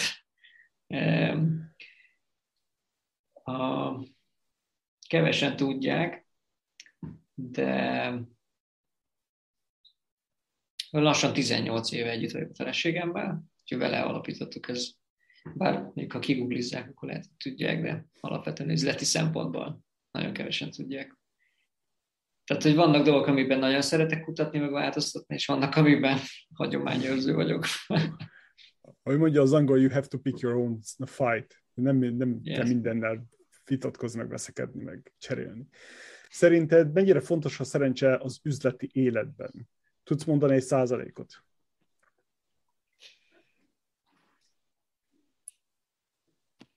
Szerencse. Mm. Most most jó, jó, most jó válaszoljál, mert egy growth hacker, data-driven szakembertől azért meghallgatjuk itt pont. Jó, rövid válasz kell, nehéz rövid választ adni erre. Ez alapvetően mindig kell a szerencse, de szerintem nincs nagyon szerencse. Tehát, hogy tevékenykedsz, és, és, és azok a tevékenységek igazából hozzák magukkal a dolgokat, a lehetőségeket, és akkor azt a lehetőséget, hogyha te lehetőségét fogod fel, és élsz vele, akkor szerencsés vagy. Ha, ha pedig ezeket a lehetőséget nem ismered fel, akkor azt, azt mondod, hogy te szerencsétlen vagy.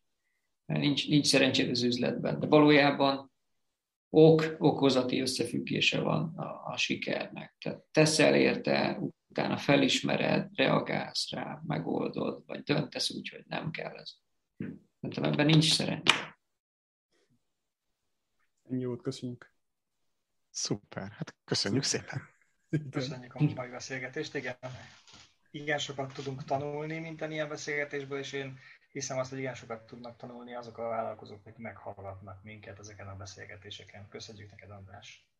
Egy gyors kérdés. Köszönöm, a, a growthhacker.hu kapcsolaton itt lehet nálatok egy ingyenes 45 perces meetinget programálni, Igen. jól látom? Ó, nagyon jó, akkor mindenkinek. Mindjárt foglalok egy időpontot. És bele fog, ha foglalok egy időpontot, bele fogok beszélni? Igen, a calendly használjuk, és ez egy tök automatizált rendszer, vagyis össze van kötve az én naptárammal, tehát hogyha van szabad időpont, és te tudsz foglalni időpontot, akkor velem fogsz beszélni. Mi is ezt használjuk. Oké, okay. szuper. Már nem a reklám miatt, hanem... Nem, nem, azért, mert jó, most ez van. Hát jó, jó tudsz. Ez, ez van. Jó, van, köszönjük szépen, mindjárt kontaktolnak. Rendben. Én is köszönöm, hogy itt lehettem, és üdvözlöm a hallgatókat.